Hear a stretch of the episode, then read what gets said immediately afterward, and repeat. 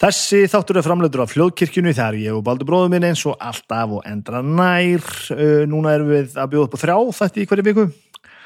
Uh, það er besta platan á föstum, listamenn á lögatum og ég á fimmtudum. Ég heiti Snæbjörn og ég tala við fólk. Þetta er þátturinn Snæbjörn tala við fólk.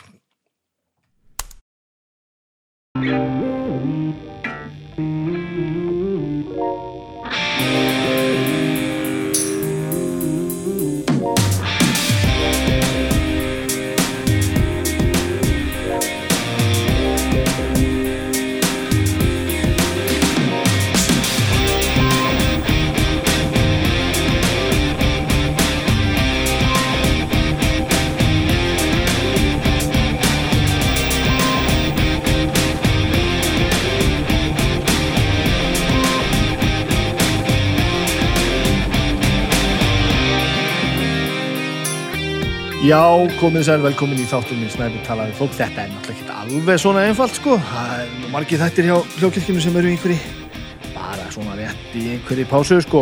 Við, ég hef nú trúið að domstæður eftir að byrja einhver tíman og svo þarf ég að fara að ítæði villavinn minn, hvort það vil ekki byrja aftur með sitt og, og svo náttúrulega eru drauga fortíðar, svo sem ekkert alveg sofandi. Þeir eru held ég alltaf að fullu með, með sitt Patreon stöf, þannig að hjá draugum fortíðar, það er nú að taka. Nú að taka sko. Ég er óvinni senda á ferðinni hérna. Ég tók viðtalið þetta sent, nú var fórsættir á hann var bara að fara. Hún bara var að fara í skóna og fara út. Þegar þið vona á góðu, mikið djöfull var þetta gaman, þetta er merkileg manneskja. Þetta er manneskja sem ég held eftir að fara í sögubækuna sem að ég hugsa að verði byggingar nefndar eftir henni þegar þetta er búið. Og þetta viðtal einhvern veginn þetta ornaði á svo margt sko, þetta var ég bara njótiði vel. Er áður, já ég þurfa nú samt að tala þessu sjálf um mig líka, það ekki? Hann er vennjan í svolítið sem hann ja, þetta var hérna andskotin haldið ég sé með eftirstöðvar dreipsóttarinnar, ég veit það ekki. Skálmöldi æfðu um helgina. Skálmöldi er, það er eitthvað aðeins að hjólin er eitthvað að snúast sko, það er nú bara þannig. Skálmöldi æfðu um helgina. Sömdum nýtt efni og tókum hérna alls konar sprell og stuð og gaman og uh, tókum hvað, förstu dag og lögada og svo komum við hinga heim og sátum við þetta borðið hérna og ég, við tæmdum ansi mikið af áfengi og nýja okkur og byrjuðum snemma og hún snemma heim og svo æfðum við bara aftur á sundaginn á svo sundeginum sko, þannig að það var ekkert, við erum ekkert sláslöku við þessu, ég held að fólk haldi stundum að gerist það sjálfur sér að vera í hljómsveiti, það þarf að setja helvíti margar vinnustundur í það ef þetta á að vera gott sko. Þannig að skálmöldir stendur sér vil þröka vel í þessu. Þetta var hillilega gaman, alveg hillilega gaman. Alveg hrikala, hrikala gaman. Þannig að en ég veikinu það, að ég þarf aðeins að sapna svefninum upp aftur eftir þetta Já, já, já, já, ég er þá bara svona efna með þetta viðtal við, við Katrínu, þetta var alveg geðveikt. Þetta var alveg geðveikt. Herðu árið kemur því, þá skulum við, um, dú, dú, dú, dú, þá skulum við tala hérna þessum samstafsæðila. Sjóvá, Sjóvá er hérna með mér, já, já, ég var að reyka eitt á augunni eitt hérna á vefsíðinu þeirra, sjóvá.is, Ég var búin að segja ykkur frá því áður, ég fekk tölvupost þar sem mér á sagt að ég fengi endurgreitt hérna yggjöld lögbóðana bílatrygginga fyrir mæ, bara svona því ég er í viðskiptum, en ég vissi þetta ekki og hér get ég lesið beint að fórsíðun á sjófu.is við endurgreiðum viðskiptavinnum í mæ. Við ætlum að endurgreiða viðskiptavinnum okkar yggjöld lögbóðana bílatrygginga heimilisins fyrir mæmánuð. En hlustið nú, þetta mun líka gilda fyrir þau sem koma til okkar í mars. Þannig að þegar þessi þáttu fyrir loftið ætti að vera 24. mars þannig að þið hafið en þá breyk til þess að skipta yfir í sjófa og til þess að fá fá, svo ég frasir þetta nú rétt, yðgjöld lögbóðuna bílatrygginga heimilisins endur greitt fyrir mæmánuður mæmánuð, tekja þessum sjófa.is ég, ég, ég, ég legg ekki meira á okkur. Og Flyover Æsland er líka með mér hérna Flyover Æsland er hér líka ég veit ég búin að tala alveg ægilega mikið um alls konar, alls konar tilbúð því getið fara að bóka þetta og, og bóka tvo í einu og tekið tveir fyrir einn og flæði yfir Æsland og, og hérna fljúður yfir vilda vestur og veit ég hvað og hvað ég ætla líka samt að benda ykkur á það ef þið farið bara inn á flyoverisland.is og bóki þar fyrirfram þá gildir það út fyrsta, neð, 31. Uh, gildir út mars til og með 31. mars, ætla ég, ætla ég að segja að því getur fengið 10% afslátt af, afslátt af, af stökum uh, ferðum, flugferðum, jú, það heitir það. Ef þið nota, notið afsláttakóðan Æsland hvað er bara kaupið miða sem ætti að kosta 4.990 bókið hann á, á vefnum hjá þeim uh, notið afsláttakóðan Æsland og þá fáið hann á 4.491 sem þetta munar alltaf um allt þannig að þið getið farið og prófað og komist að því hvað þetta er mikil fokking snild sem ég er búin að segja ykkur rosalega oft og ég veit að ég fann að hljóma þess að einhver, einhver, einhver hálfgjörðu brjála einhver að hveti ykkur til að fara í flæði úr Æsland ég er að segja ykkur að þetta er í alvörunni svona gaman. Þetta er í alvörunni svona hryllilega gaman. Það er bara þannig. Það þarf ekkert að færa það eða, eða frika þannig að þetta er sjóa og flæði úr Æsland og allt í blúsandi velgengni. Þetta er gott. Við getum gott. Ég lýsir pínusar bennufalli þetta er þetta þetta, ég viðkenni það, þetta er alveg hérna þetta var alveg á listanum lengi. Eða frá upphæfi sko, svona, fyrst ég setti saman listan þegar ég byrjaði með þetta fyrir næstu tveimur árum þá var, þetta var fossati sér á þarran alveg á listanum og þetta er pínu. Það er pínu tjekk við þennan, þetta á listanum. Ég viðkenni það, sérstaklega að þetta gekk svona hryllilega vel, ég er alveg hérna ég er alveg í stuði. Ég ætlaði að fara að spila D&D í kvöld en það dattu fyrir, mann er eitthvað veikir hérna á eitthvað leys, þannig að þannig að ég, þetta verður bara slaki í kvöld þannig að ég nú býði bara til að fólki mitt komi heim og, og ég ætla að gera eitthvað mjög rólegt eftir þetta allt saman. Tala ég eins og þetta sé eitthvað að hafa verið einhver rosalega aðgerð eftir þetta allt saman. En auðvitað þetta var allavega viðtal við, við fórsættur á þeirra þjóðurinnar, hún heiti Katrín Jakobsdóttir og hún var að fara hérna út og þið eruð bara að fara að hlusta á það sem gerist hérna rétt á það Nótið nú vel, þetta er hryllilega skemmtilegt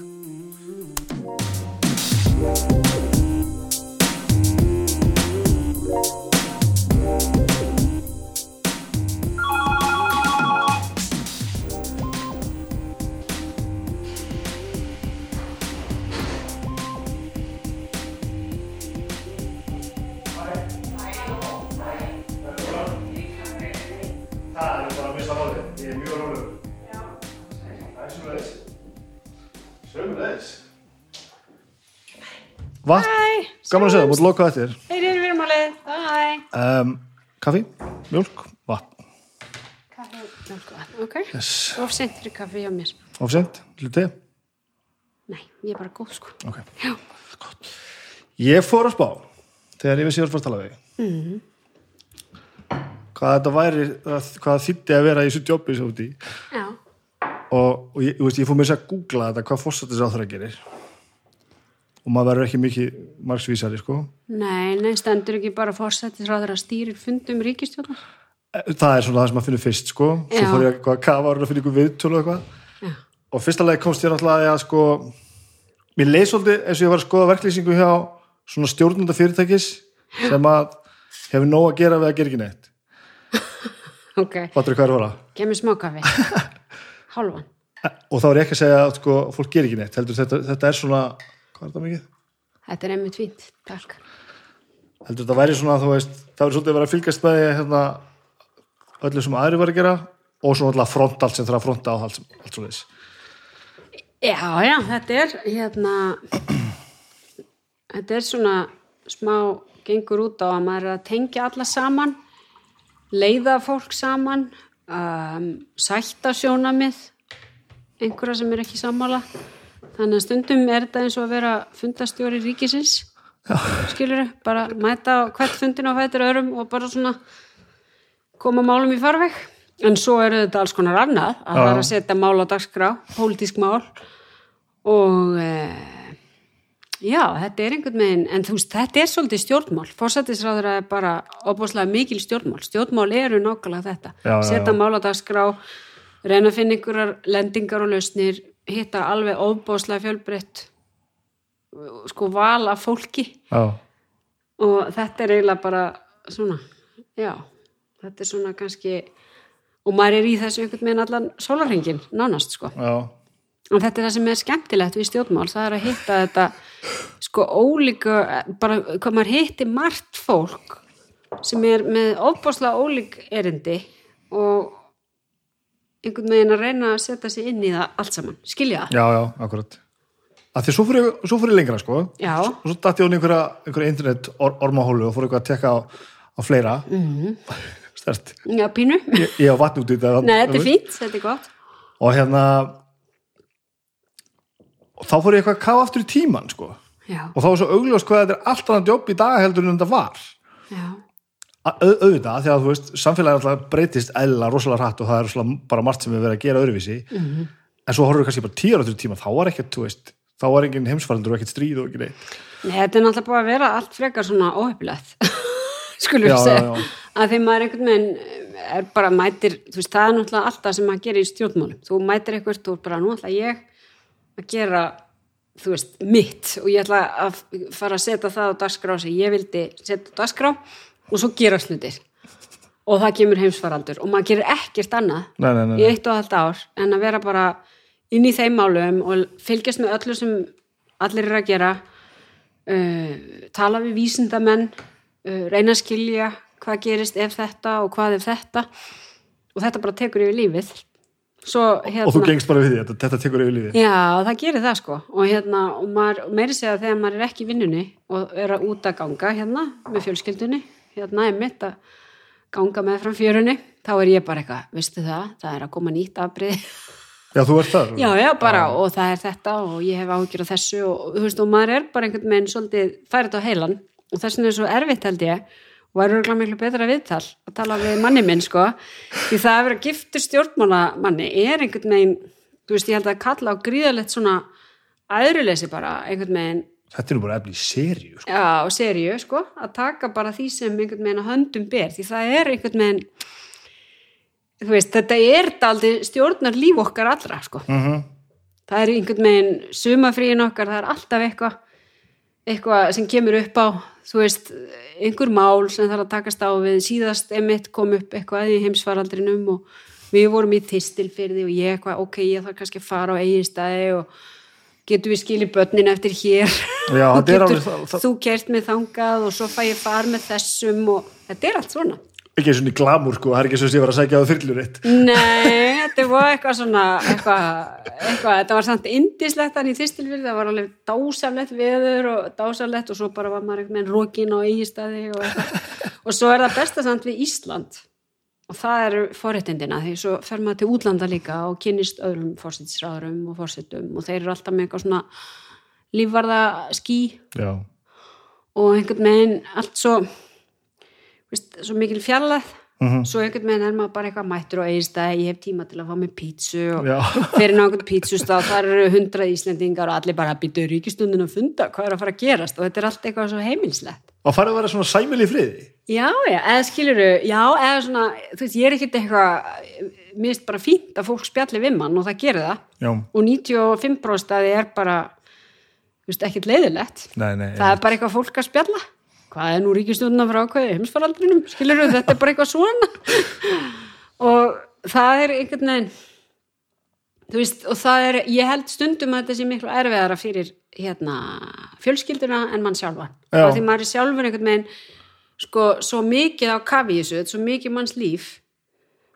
Og kannski er það það, þú veist, það er ekkert, við erum ekkert öll þannig sem förum út í stjórnmál og sum hætta bara að því að Já, bara út af þessu með Já, En, en sum bara veginn eins og ég allavega hef einhvern veginn bara á mjög öðvelt með þetta einhvern veginn að vera bara á þessu kafi. Það sökkaði bara í það? Já, ég er bara þarna, ég er ekkert að hugsa ég stundum spyr hvað ætlar þú að gera þegar þú hættir? Að því einhvern tímann hætti ég. Og ég bara hef ekki hugmyndu það. Já, að því ég er bara í þessu núna ég bara, jú, ég er alltaf eitthvað að segja ég er nú að, ég er alltaf eitthvað að að skrifa einhverja glæpasu, það er eitthvað svona margra ára.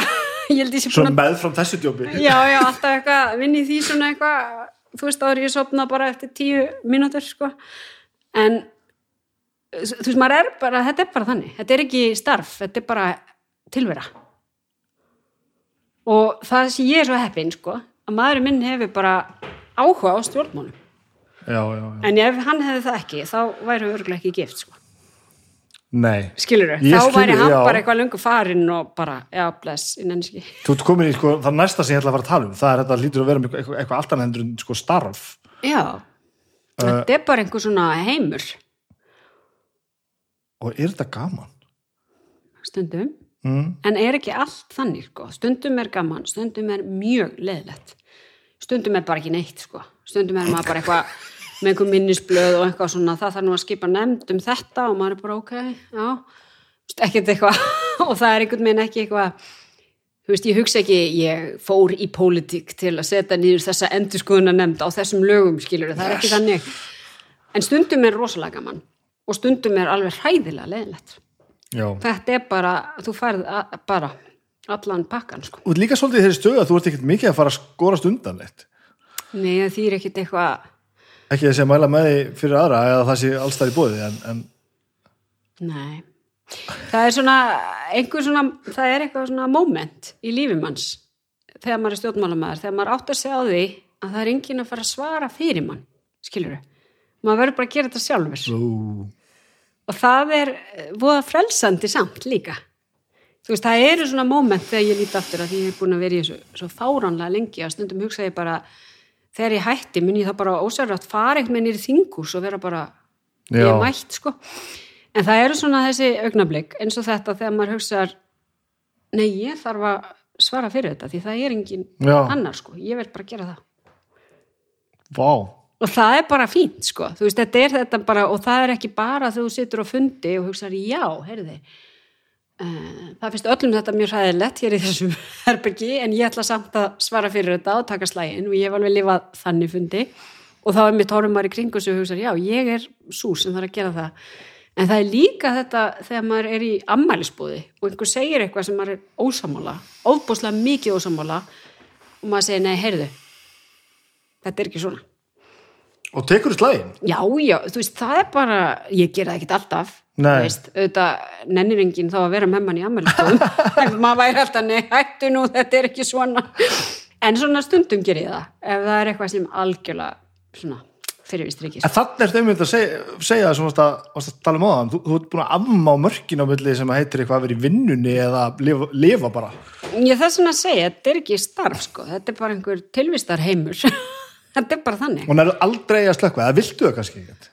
um, ég, þú veist, ég held að ef ég væri hjá ef ég væri sko hjá einhverjum sérfræðingi núna þá myndi hann segja að það væri líklega gott fyrir mig að geta slögt sko þess vegna hef ég ekkert farið bara ekki sjá þig. læti ekki sjá mig en jú, ég er nú svona svo sem svolítið heppin að ég er svona þeirra gerðar einhvern veginn og bara heppin held ég að ég, þú veist, ef ég fer í bíó þá er ég bara í bíó, ég bara Já. er að horfa á myndina ég er þú getur það allavega. ég get það alveg og ef ég er þú veist ef ég er bara einhvern veginn þú veist það er alls konar hlutir ég meina ef ég er að lesa bók þá er ég bara að lesa bókina þá er ég ekkert að hugsa um þetta á meðan en ég hins vegar hérna, en það er alltaf svona ákveðin ákvörðin að segja nú ætla ég að kúpla mig frá og bara horfa á þessa bíómynd sko. Já.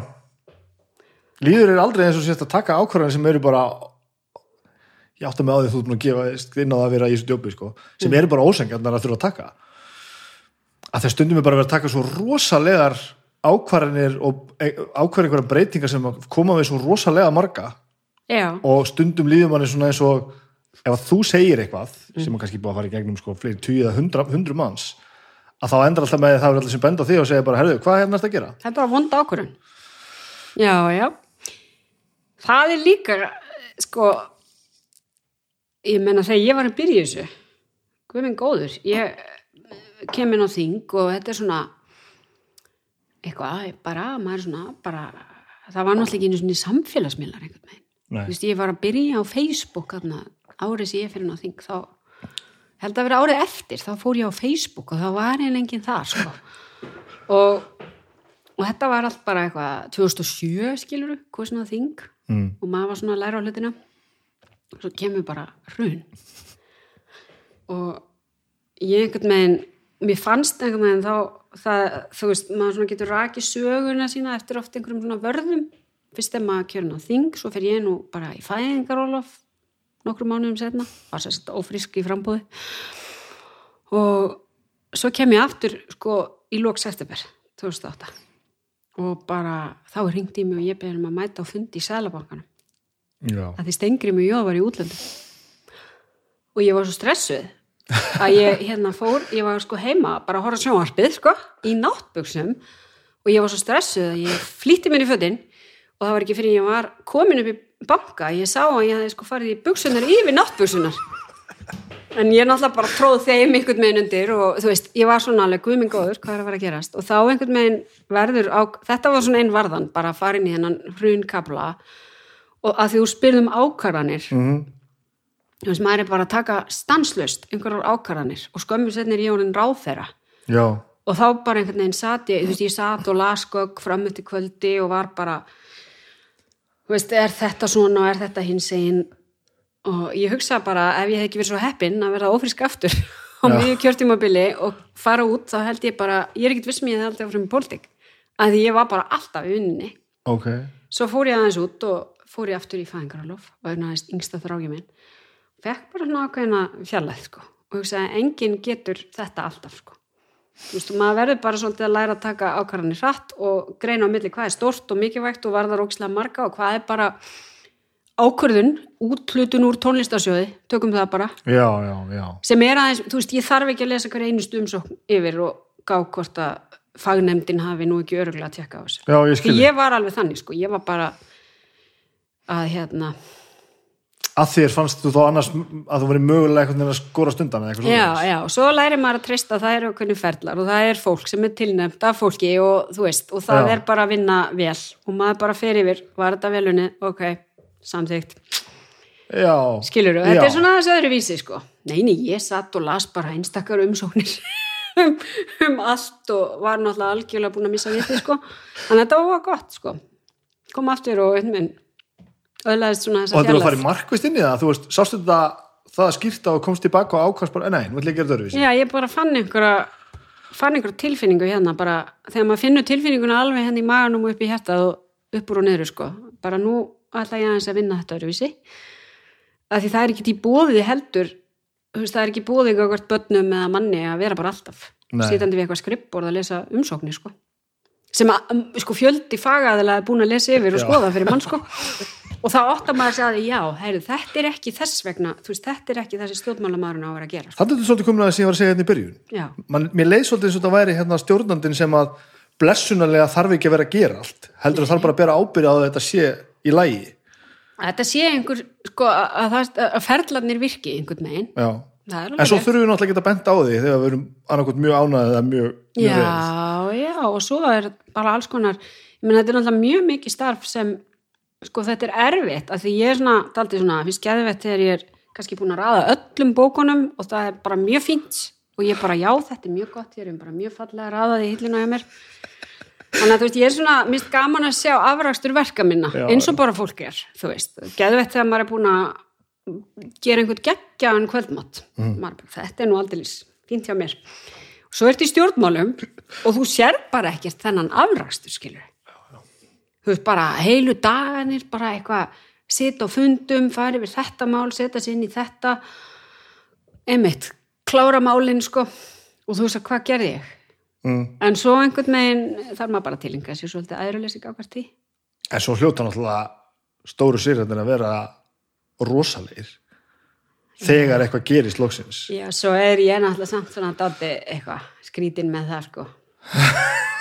Það gerist eitthvað frábært er eitthvað lagafrumvart sem klárast og ég bara, já, já, þetta var nú gott. Næsta verkefni. Alveg? já, ég er aldrei þannig. Ég, þetta er bara svona En hvað farið þið þá til þess að halda áfram, halda áfram. næsta verkefni. Það er svoleiðis? já. Það er náttúrulega það sem drýfum mann áfram En, en velunin, þarf ekki að fanga velun?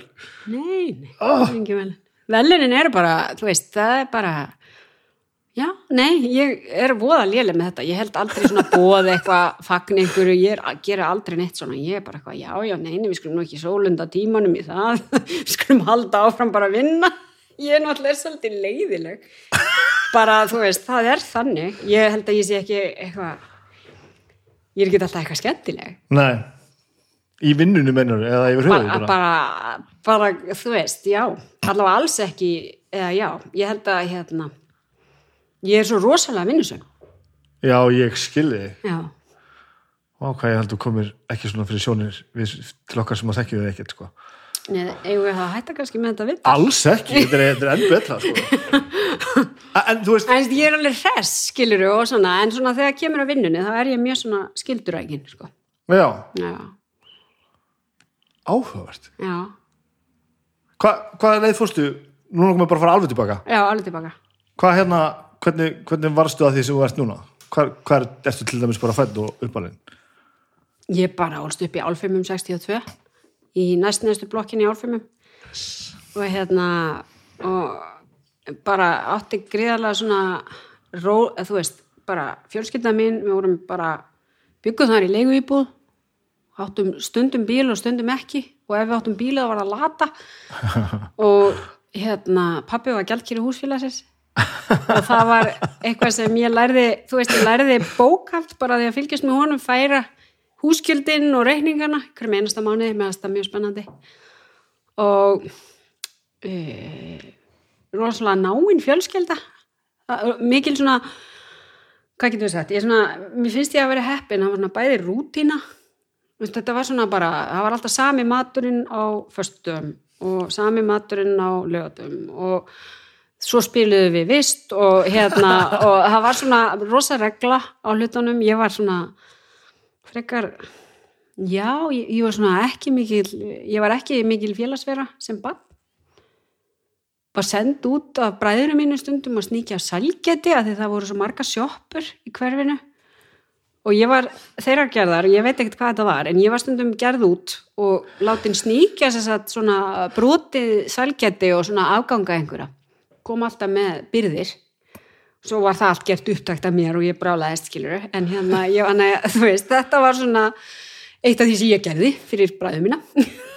Og, þið, og þér fannst þá gaman að gera? Þú veist eitthvað svona Já, ég bara fór og stilti mér upp og, og hérna, ég, sko, þú veist, þau segja bara þessar sögur, ég man mest lítið eftir þessin, jú, jú, ég man eftir einhverjum svona tilvikum í sjoppun út í Glæsibæ eitthvað, bara með einhvern póka að vera alltaf heim, sko. Er þeir eldri en þú? Já, bræður já, já, já, Já, þeir hvern- náttúrulega hefði aldrei komist upp með þetta, ég var greinilega svona krút, sko. þeir hefði ekkert náð þessu. Og svo er ég eldri systur, sko, líka. Þú að- yngst? Ég er yngst ok, og gift manni sem er yngsta bann Mhm. þannig að það er hérna áhuga að verða þessi sískinar hvernig hún byrtist sko. Mhm. svo var ég bara í langurskóla og það var bara tíu ár skilur bara á sama stað og svo fór ég í mennskóla við sund og, og skipti aðeins um típu þarna á unglingsárunum kliftaði mér, ég var alltaf með tvær flettur og hérna svo klifti ég hárið og fór að gangi í leðurjakka og svona lúpapissu og Já, já, já. vera svona meira töff sko. og þá svona byrtist svona unglingurinn í mér, þá kemur svona félagsveran út sko þá fer ég að hafa og þá er mitt svona soldið og það er það sem er ennþá gert grína mér sko ég var mikil sprauta í félagslífin en alltaf mér svona vinnusum Þá líka? já. Skilur alltaf bara eitthvað svona já, já, það er nú, farið það endurinn rétta hér félagsaðstöðuna eða eitthvað skilur alveg svona típa og fannst þetta, en þú veist en ég, þú veist, auðvitað er ég mjög en ég er líka glöð, sko. Þannig að mér finnst þetta skemmtilegt, sko. Þannig að ég er einhver svona skrítin blanda af einhver svona mjög vinnusamri konu sem er samt alveg glöð í því sem hún er að gera. Og alveg upp í gegnum skólan og allt líka. Já, ég meina í mentaskóla ég var í MS, ég, mér finnst þess að ég hafi hleyið bara í fjögur ár, sko. Allt var gaman. Og samt alltaf með tíu eða? Já, voðaduleg í skólanu. mikið, já, ég bara námsmaður, já, mikið námsmaður. Finnst ennþá gaman, mér langar ennþá alltaf bara, ef ég kemst í eitthvað svona skólangur, þá er ég bara, váka, mér langar að fara að læra bara læknisfræði, það væri nú eitthvað. Fyllist Bara næsta verkefni Bara bara. næsta Þetta er bara verkefni. það, já, alltaf alltaf voða spennt, sko. En hérna, já, og svo bara, já, þetta var bara góðu tími. og vissuru eitthvað hvað þú ætlar að gera og varstu komið með einhverja stefnu eða eitthvað svoleiðis Nei, ég náttúrulega er ekki þannig, sko.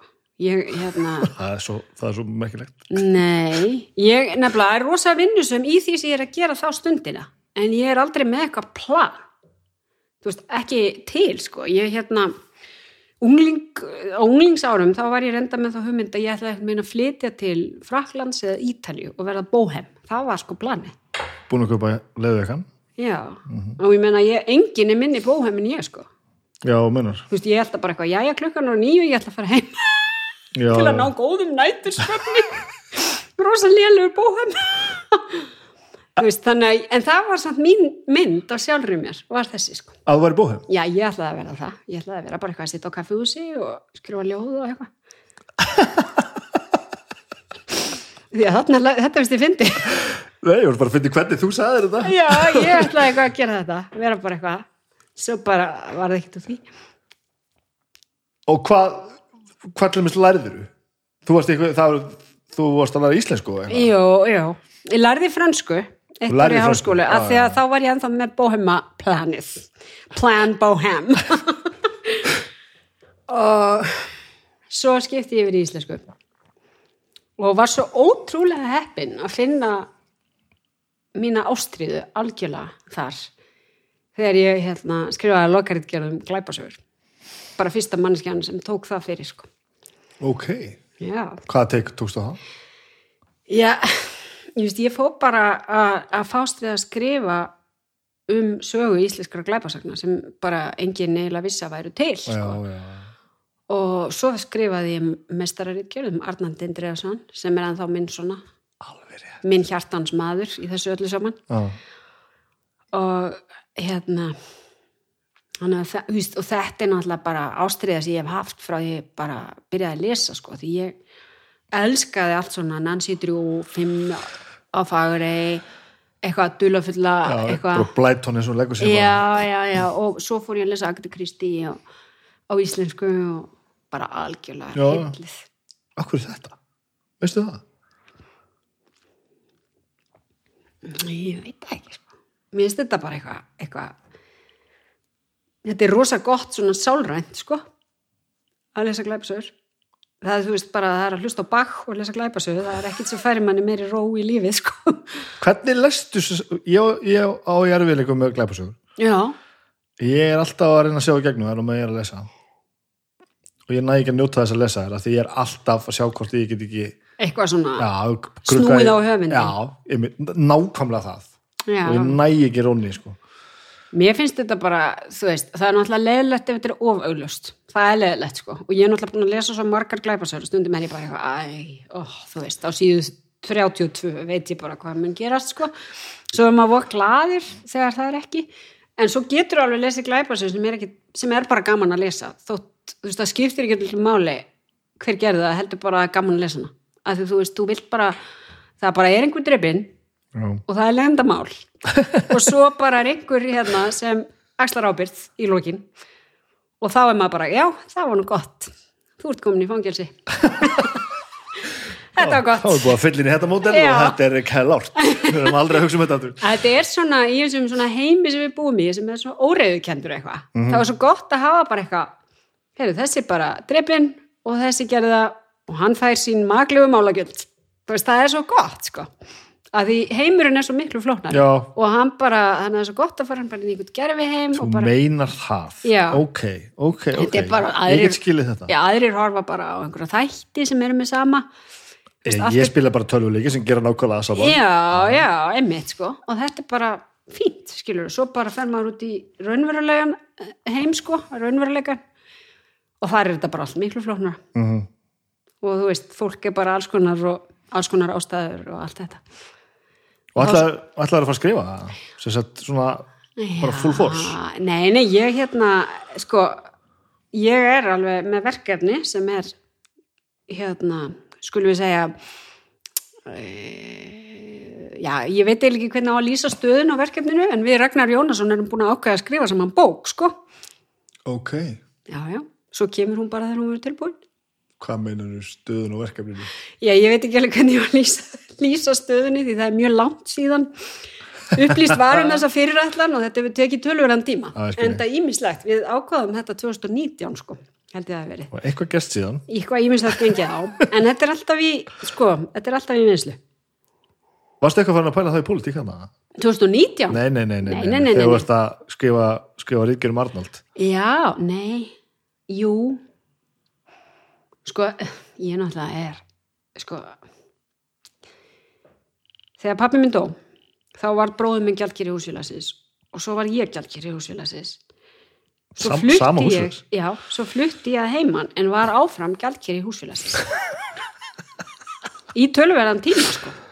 og þetta segir svolítið mikla sögum mig sko já, já. að því ég er bara eitthvað, já, verð ég ekki að gera þetta bara og svo er maður bara eitthvað fluttur og er bara einhver gjaldkeri í einhverju húsfélagi og ég þetta aldrei er svona sko, þú veist, ég segi svo mikið já, fattar Og er þetta eitthvað sem þú vildir þá bara frekka vera laus við en hafðir þið ekki í hann segja nei? Eða, eða, eða fannst þið bara næs að hafa þetta? Nei, sko, þetta er svona svolítið skrítið sko, ég bara, veginn fannst þetta bara að vera eitthvað verk sem þyrst að vinna, þannig að það væri alveg eins gott að ég gerði það. Svo þegar ég byrja í pólitík, þá er það bara þá er að tala við mig. Og fyrst er ég drein út í háskólapólitík. Og það er bara mikið verk að vinna og ég er bara eitthvað, já, ég og svo einhvern veginn fer ég á lista hjá Röskvu, svo er ég einhvern veginn komin í átjánda sæta á Reykjavíku listanum 2002 Mm og hérna og ég eitthvað, já, já, það er mikið hægt að leggja sitt að mörgum í þessari kostningabaráttu en svo ætla ég nú bara, þú veist, ekkert að gera meir. Svo er ég komin í eitthvað fræðslur á Reykjavíkur og já, ég hef nú áhuga á þessu. Svo einhvern veginn vart þetta bara allt upp á sig, sko. Og hérna svo er einhver forföll á listanum og einhver hætti og eitthvað og allt í nú að ég bara eitthvað orðin borgarfulltrúi í sex mánuði og ég hugsaði hvernig gerðist þetta eila svona er þetta. Var það, var það bara því þú segir alltaf já? alltaf segi já, þetta var ekki að því að ég dræpa allt fólki á listanum eða eitthvað skilur til að koma að. Það var ekki þannig. Ég bara einhvern veginn, var bara alltaf já já og svo bara einhvern veginn var þetta og svo var ég einhvern veginn ok, ég haldi ekki áfram í þessu. Veist, ég sagði, ég ætla ekki að bjóða mig fram aftur sko og þá hitti ég hérna stjórnmála mann sem sagði ertu ekki að vera í þingframbóð og ég sagði eitthvað, nei, nei, já, kannski ekki að gera það. Þú verður að gera það. Svo, þú ert bara búin að byggja upp svo mikið feril. Þú getur ekki hætt núna. Og ég var þá að kenna íslensku MR eitthvað og ég bara, já, já, ég verð náttúrulega að gera það bara. Og, og varst það því móment alveg til að vera bara að kenna íslensku, bara ekki bara, en þú veist, að, kenna íslensku í emmer? sko, kennsla er náttúrulega skemmtilegast að starfi heimi Ok, finnst mér, sko, ok. já, þú ert ekki saman Ég, ég veit, ég, ég, hugsa alveg helling um þetta, sko. Ég er svo, hérna, ég hræðist alltaf svo mikið að kennslan farið svo mikið að snúast um uh, kennslustunduna sjálfa, sko. Að, hérna, sé ekki nú gaman í tímanum. Já, þá veist, maður er upplifið rosa pressu að vera skemmtilegur svo ertu að kenna kannski gláðan átt á mótni þriðdósmótni, Já. allir sofandi Það er þetta sem ég er pínur hættu við, sko. Já, já, það er, uh, það er alveg, en þú veist, maður fær mér fannst þetta rosalega skemmtilegt. Já, og bæði, þú veist, ég var að kenna eitt vetur í MR, ég kendi í HR, svona háskóla brúanámi, var stundakennar upp í Háskóla Íslands. Kendi í endurmyndun, mér finnst það alltaf ríkalega gaman, sko. mhm, Og meiri segja, sko, það besta tilfinning í heimi, það er þegar einhverjum finnst mjög leðilegt í því sem hann er að gera í skólanum. Já. Og maður breyti því. já. Ég, það, er frábært mm. og það gefur manni svo mikið maður bara svo, yes, nú er ég búin að gera eitthvað sem skiptir máli fyrir þessa mannesku Já, og hún kannski bara tekur nýjar ákvarðanir það er frábært tilfinning sko. þannig að ég segi þetta er, en þú veist ég, ég veit ekkert hvort ég var góðu kennari, ég veit það ekki sko en mér fannst þetta allavega gaman Og hefðir, þú veist, varst rauninni bara alveg eins á því og værir bara að fara það? Já, en þú veist, ég hef samt alltaf haft voðalega skoðanir og allt þetta. En þú veist, í stuttum máli þá bara er ég ekki kona svona langtíma áallan að gera það fyrir sjálfa mig sko. þú veist, bara lífið er þannig að maður veit ekki hvert að tekum mann sko. og ég ekkert megin er ekki eitthvað, ég þekki alveg og á vini sem eru svona, nú er ég bara með markmið. Ég ætla bara að setja mig inn í húsnæðismálin og ég ætla að vera með þau á hreinu hér í þennan veturinn og vera talsmaður í því og eitthvað. Og ég er alltaf bara, já, flott og svo er ég bara einhvern veginn meira. Já, mjög erfitt með að taka svona einhverjar svona persónlar ákvarðanir sko. Tek þær bara ekki. Öll börnin okkar eru bara eitthvað ekkert plönu sko. Já, við erum alveg það. já, já, já, já, já, við bara eitthvað þetta er bara allt eitthvað svona nei, hættu nú alveg. Er þetta nú að þú veist, og því lík forréttindi sko Og, og er þetta að tala um eitthvað fleira í lífinu? Er þetta almennt bara, Já, það er bara ekkert plan, sko. en þú samt skamtímaplani er alveg fullt. Þú, Já, þú veist rosa mikið hvað eru í matinn og, Já, og já, og bara hvað er í vinnun í dag og allt þetta, sko. En svona langtíma á- áætlan að gera fyrir sjálfa mig, hún er ekki til staðar, sko. ekki eins og koma í vekk fyrir að börnin verið til Ég veit nú ekki hvort þetta er efni sem á heima í opinbjörn hlaðvarpi. þetta, var kannski óhefnileg spurning en þú veist eh, en að, þú ert ekki beint að tala um þú me- bara meira, að tala bara svona Já, þú veist bara ekki hvað gerist þess já, ég bara svolítið er svona þannig og ég menna, og það eru náttúrulega, þú veist, og ég held að ef ég væri að hugsa á mikið þá, hérna, já, það er allavega ekki mitt vandamál að ofugsa hlutina. mm -hmm. Ég hef svolítið leift hlutunum bara að gerast og finnst ég bara vera rosa heppin að þeir hafi gerst, skilur, að því ég er það, sko. já, já, já þannig að þegar einhver kemur tíðin og segir bara þú getur ekki hætt núna, þú er búin að byggja svo mikið undir þetta Mm. þá segir bara, ok, já Já, þetta er svona ert með. já, það er svolítið þannig, sko. og það tekur það bara kortir að segja bara, "Heyrðu, já, ok Já, ég bara daldið þannig, sko. þetta er magnar Já. og hvað gerðist þá þá? Þegar ég ákvað að fara í þingframbóð, þá fór ég bara í prókjör í flóknum og fekk fyrsta sæti henni í Reykjavík, norður, sem hefur verið mitt kjördæmi Mhm. síðan.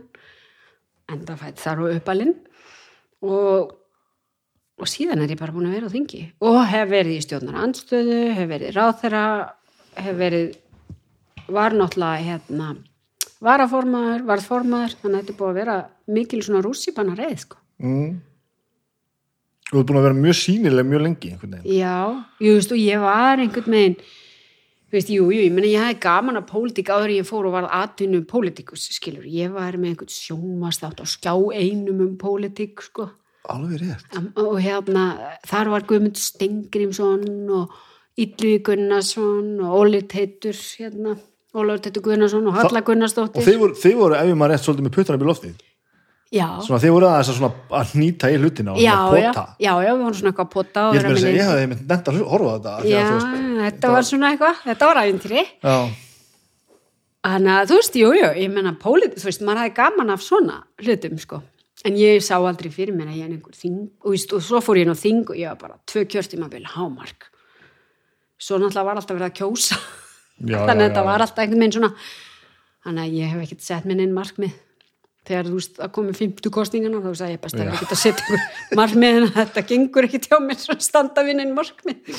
og varstu, og, Þér finnst þetta allt mjög skrítið. mér finnst þetta stórkostlega skemmtilegt Já, uh, ég er búin að læra svo mikið af þessu, öllu þessu spjalli við ykkur sem að gera þetta já, að þetta er svo allt, allt annað heldur en ég held alltaf sko. ég held alltaf, ég er alltaf að leita einhver svona aðri markmiðum og bara, veist, bara hvað gerir maður næst eftir veist, þetta allt saman Er- þið eru einhvern veginn meira og minna bara bara lendið einhvern veginn í þessu sko. Ég veist þetta er þetta sömuleiti sömu elementin að taka sér húsfélagið þú veist mæta á jólafundrið skilur í skólanum og hjálpa til, skilur þetta er stjórnmál er bara fólk sem hefur áhuga á að vinna með fólki og leggja sér þetta mörgum í því og svo höfum við einhver gildi og hugssjónir og það er ekkit endilega það sömu en ég held að allt þetta fólk á þingi á þetta sameiginlegt sko. já, þú veist, það bara, heyrðu, já, gardagur ég fer í það. Emitt þú veist, og, það, og ef maður er ekki þannig þá er ég ekkit vissum að maður endist skilur, Mhm. í stjórnmálum því maður verður einhvern veginn að njóta þess að vera í þessu. Og þetta, þú veist, höfðar svakalega til mín, sko. Einhvern veginn verða alveg bara spennt þegar gardagur í húsfélaginu okkar þá bara er ég eitthvað, á ég ekki að baka pönnukökur? Til þess að þú veist, kona sem nennir aldrei að baka pönnukökur en ef þetta er húsfélagi þá finnst mér nú í lagi að fórna mér í það sko er þetta þessi tilfinninga einhvern veginn að allir séu saman að róa skipinu veginn Já, það er góð tilfinning sko. Og allir glaðir á eftir einhvern meginn, hér voru við og það er allt rosa fínt í garðinum hjá okkur og svo spjalla fólk og maður kemst að alls konar skemmtileg um fólki í nár, þú veist, fólki í kringu sig Mhm. Þannig að ég veginn, og það er þetta eh, sko element, að maður einhvern veginn er mikil félagsvera, maður vill taka ábyrð á nærumhverfinu sínu sem einhvern veginn vex í það að maður vill bara taka ábyrð á samfélaginu sko. Af því að maður er með einhverja sín, af því að manni finnst að, að hérna að fólk, all, veist, bara allt þetta sem pólitík snýst um, bara um réttlátt samfélag og náttúruvend og umhverfisvend og að við tökum góðar ákvarðanir fyrir samfélagi. hvað svo þegar þú varst að vinna með fólki sem að þú varst bara fundamental í ósámála Já, þá einhvern veginn vaknar alltaf þessi hugsun í mér af hverju af hverju erum við ósamála sko. og það er náttúrulega mest í lærdómurinn sko. það er að sitja með fólki sem er bara algjörlega ósamála manni og maður er að reyna að skilja af hverju? Hvað lætur það fólk vakna og mæti vinnuna og fara einhvern megin veist, og, og það er rosa erfitt að skilja það þegar það er um stundum skilja það alveg sko. Stundum er þetta bara eitthvað spurningin um þú veist, ég skil alveg akkur einhverjum hægrimönnum finnst lági skattagóður og ég veit að ég er ekki sammálaði og ég veit hver rökiðan er og ég skil það, ég er bara algjörlega ósamálaði já, en svo þegar þú ert að tala um einhver svona grundvallar réttindamál þá er það miklu flóknara. Já, bara eins og jafnrétti fyrir okkur öll menna að fólk getur bara að valið sér kyn. Þetta er svona grundvallamál þá á ég svolítið erfitt að skilja þau sem eru ósamála oft bara einhver svona grundvallar svona mannréttindamál já, sko. og bara gaska einhver bara. Og af hverju viltu vera fyrir þessu sko? já, já. og þá er það svolítið flóki sko. og hvað gerir maður þá þegar það er eiginlega útsíð að, að þú ert ekki að fara að tala um fyrir fólki? Já, ég menna það er nú bara hluta þessari pólitík svo bara er fólk ósamála og þá verður maður líka að læra að taka þetta ekki allt sko persónulega. Mm þetta er ekki um einhverjar personur heldur einhverja afstöðu sem maður skilur kannski ekki en, já, en getur ekki tekið persónulega. En stundur hljóta hlutinu bara að stoppa þetta bara Já, gengur já. ekki. Já, já, já, já, það gerir það. Meina, við sjáum oft mál stoppa á þinginu, þau koma mjög oft aftur fram, skilur já, já, já. maður þarf ofta margar atlugur að svona málum sko, gumin góður það er nú ekki sjaldan sko svo það hefur gerst og þá þarf þú, ef ætlum að eitthvað sem þú bre- brennur fyrir sem það langar til þess að gera eða breyta mm. þá þarf þú hreinlega bara svona að leggja þetta til hliðar Mm. og koma svo bara með þetta aftur þegar það er tími og, og ráðrum til eða? Já, þetta er náttúrulega mjög mikið spurningu með mitt að geta tekið bakka tvö skref dreigið andan komið aftur. já, Þetta er allt um það sko.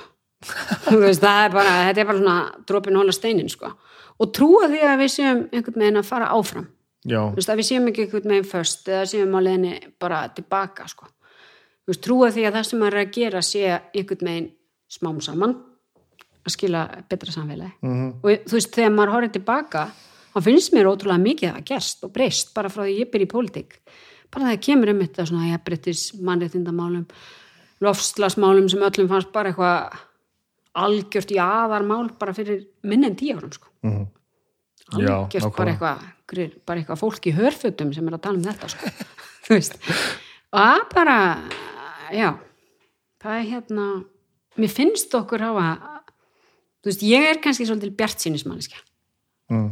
Ég einhvern veginn lít svo á að þú veist, glasið er hálffullt, okkur er að miða áfram en samt svona óþreytandi að fara í næsta verkefni eins og ég segi þér aldrei að stoppa, sko, alltaf að halda áfram Þetta er algjörlega heillandi. Ég held að ég hef, ég, hef ekki nema ákveðið mikið áhuga á svona, á svona pólitík, sko. mér, mér finnst þetta alltaf meira og meira gaman að því sem ég eldist. já, Af því að ég finn alltaf bara, þetta, þetta verður alltaf meira og meira uh, mann, mannlegt, skulum við segja. Veist, mér fannst þetta svo fjarlægt og hátilegt alltaf. hvað hérna Orðalag Hva- sem að enginn notar Já. dagstæðilega og en mannst þetta er svona fyrstu upplifunin af pólitík gráir menn í jakkafötum í sjónvarpinu. í sjónvarpinu Já, maður. Ég bjó bara á laugum í Reykjadal eða Húsavík og bara já, og, og, og þú veist ég veit þetta hljómar alltaf hræðilega komið frá, þú veist, ég var alltaf bara bann en mér fannst alltaf að ég væri bara að sjá í gegnum fólk. Já, nú ertu bara að tala í einhvern ring að þú veist ekkert hvað þú ætlar að segja. Já, þú veist, þú ert ekki að segja neitt, nú ertu bara eitthvað nú ertu bara eitthvað að tauta sko. Annarkvort þú ætlar að gera þetta, ef þú ætlar ekki að gera þetta nú, þú ert bara að nota einhver orð til þess að þvæla hlutina sko, Já, og ég var svo afhugað þessu mér leiði alltaf bara eins og var yfir að teima mig eitthvað sko. En sko mér fannst svona mín fyrsta minning af pólitík, þú veist, ég var ekki spennt fyrir að fara í pólitík sem barn eða unglingur sko, alls ekki Nei. og ætlaði bara einmitt að verða bóhem eins og ég sagði þér eða svo hefði ég einhverja hugmyndir um að ég geti kannski orðið stórkostlegu læknir svo einhvern veginn minnst ég áhuga á því en ég er svona áhuga læknir þú veist alltaf að greina. Já, alltaf svona eitthvað býttu ertu búin að tjekka og, þú veist eitthvað hérna en algjörlega óþólandi típa. En hérna, ég man bara eftir sko að hafa hort á svona kostningaþáttin, þú veist, með fóreldrum mínum. Mhm. kvöldi fyrir kostningar þegar allir mæta. Akkurat. Og, og hérna, mér fannst þetta alltaf svona pínu áhugavert sko. Og hvað þá? ég veit ekki hvað það var. Það var eitthvað sem allir því allavega að maður svona horfði á þetta. Fannst þetta spennandi Mm þó að ég ætlaði sjálf ekki í pólitík sko. og hann að fyrsta svona pólitíska máli sem ég man eftir var kvalveðar -hmm. og þegar hérna hvernig var þetta nú eftir ba, ba, hérna bátnum var sögt hérna. já, já þessu fle, einum að ekki bara sökka þeim í höfn bara já, rosa svona mikil umræða og þetta einhvern veginn var skemdarverk sko. og eitthvað og maður var alveg bara og, veist, það var bæði pólitísk umræða og svo held ég að spöggstofan hefur byrjuð þarna og þá var þetta tekið fyrir í. Og maður svona einhvern veginn var svona aðeins að fylgjast með. Ég var alltaf aðeins að fylgjast með svona fréttum og pæli í hlutum. Mm var náttúrulega með kjarnorku ógnin á heilanum Já, barn, ok.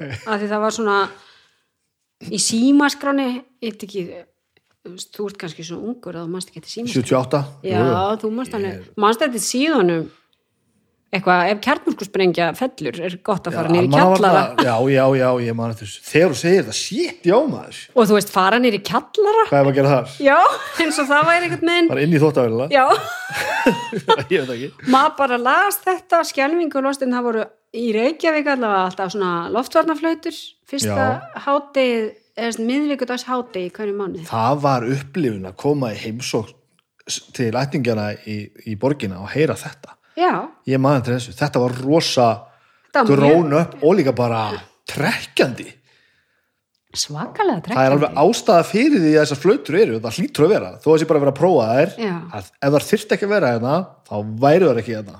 Ég man að maður hugsaði bara og nú finnst manni bara einhvern veginn eins og þetta sé allt að koma aftur sko. já, þannig að en þetta var það sem ég hugsaði um mjög mikið sem bann það var, þú veist, þetta kjarnorsku vopnabúr. Og ég man líka eftir fundinum hjá Reykján og já, Gorbatsjóf ég man það líka sko. og maður eitthvað var hérna, það voru svona teiknimyndir alla helgina. Og svo þess á milli hérna sjónvarsmyndavél á hurðinni á höfða. Alveg rétt, já. Já, alltaf teikni mínir já, inn á milli eitthvað bleiki partusinn eitthvað, bara eitthvað svo til hillunum. Já, bara tekið sett í tækið. Nokkra bleika partusmyndir því að það var þetta súst en þá til dæmis sá ég kannski hefur þetta verið uppeldið sko. og kannski er þetta ástæðan fyrir að ég er svona, svona lengi afhuga þessu. Já, að ég held að ég hef alltaf séð ég langar ekki að nota orðið vond fólk en, en svona, svona fólk sem var að notfara sér aðstöðu sína, skulum við segja. Þannig ég held ég hef alltaf haft sko neikvæða ímynd af pólitíkusum. Já, sem er kannski bara frá, frá bitrum kennurum út, út á landi sem eru fóreldrar minni sko, sem bara voru bara á, á skýtla á launum og, og, og mjög til vinstri sko. já, já. Nei, ég meina það var bara kvennalistin eða drullaður heim sko. já, já, nú er ég ekki að þetta, sorry mamma þetta var, þetta var ekki alveg svona mikið en enga, enga síður. Kvennalistinni það drullaðu þér heim.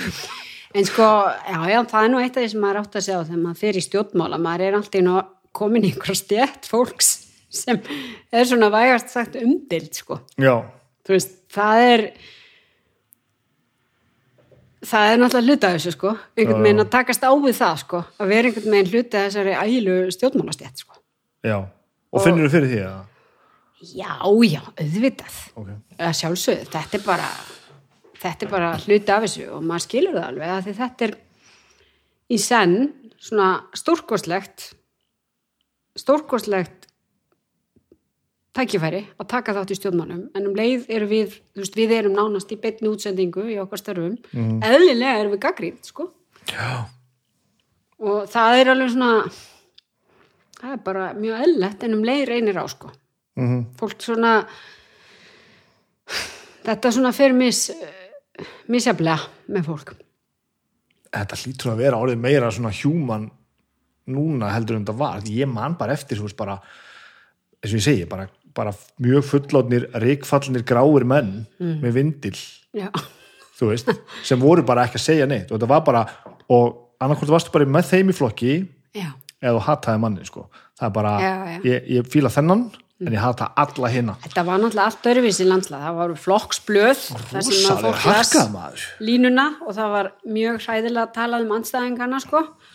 Og svo var, ég meina það var ekki þetta gagsæði um það hvað var að gerast, Mhm. það var náttúrulega miklu minna líka, það var náttúrulega rosa svona veist, og það hefur enda breyst bara frá því ég byrjaði, þá var einhvern megin sko markmiðið þegar ég byrjaði á þingi, það er bara kemst maður í kvöldfréttinar já, þú veist, og þú eh, og ef maður náði því að maður verið glaður í fjóra daga sko. af því að þá varstu að lifta málunum já, já, komst að- maður á loft og einhvern megin og það var svona sigur. Veist, ég var í stjórnarandstöðu og ef maður komst í fréttinar þá var það geggjað. Núna er bara það sem maður sagði fyrir hátið glimt sko klukkan þrjú og Já. að því samfélagsmiðlar og vefmiðlar hafa bara breytt þessu öllu. Þannig að þetta er einhvern megin líður alveg svakalega hratt sko. Var það betra að vera aldrei Um, ég veit að stundum finnst mér eins og hérna að það sé rosaleg svona og ég veit ekki hvort að það er breyting eða ekki, þú veist kannski er það bara því ég er búin að vera svo lengi, en þú veist það er svona allt gleymis líka rosa hratt Já, sko, og þá er maður svolítið hrættur við að fólk hérna drægi ekki lærdóma af því sem það Já. hefur verið gert sko. En mér finnst stundum bara einhvern veginn, maður er bara, já manstu þetta var gert í fyrra? Og allir eru bara, ha, já. Alveg rétt, ég man það núna. Þú veist, mér líður eins og bara eftir nokkra mánuði verða allir búin að gleyma COVID sko. Býtu, Það verður þannig. það verður þannig, allir bara ha býtu, hvað var þetta aftur? við erum rétt aðeins að hanga í þessu ennþá bara því við svona smá eftirkost það er ennþá með sumið með hósta og svona já, já, og bara sumir að þú veist, þetta bara sumir að vext hræðilega og dáið úr Já. þessu en mér líður einhvern veginn eins og þetta muni einhvern veginn gleymast rosalega hratt af því það, ger, það gleymist allt svo hratt sko. Mm. þannig að það er nú svona og það er þetta það sem kannski er erfiðast við þetta, það eru svona mál eins og þetta, þessi Mm. heimsfaraldur sem er bara, mann líður eins og maður sem er líf fólks í lúkunum já, og maður er með það já það er svolítið mikið yfirþyrmandi sko. það er mjög yfirþyrmandi mist reyndar Íslenskt samfélag hafa staðið sig frábæla ég er svo fullkomlega saman á því mér finnst bara fólk bara ótrúlega þú veist, ég hugsaði stundum nú mun bara allt verða vitlaust sko. svo bara allir svo ábyrgir hugsaður það?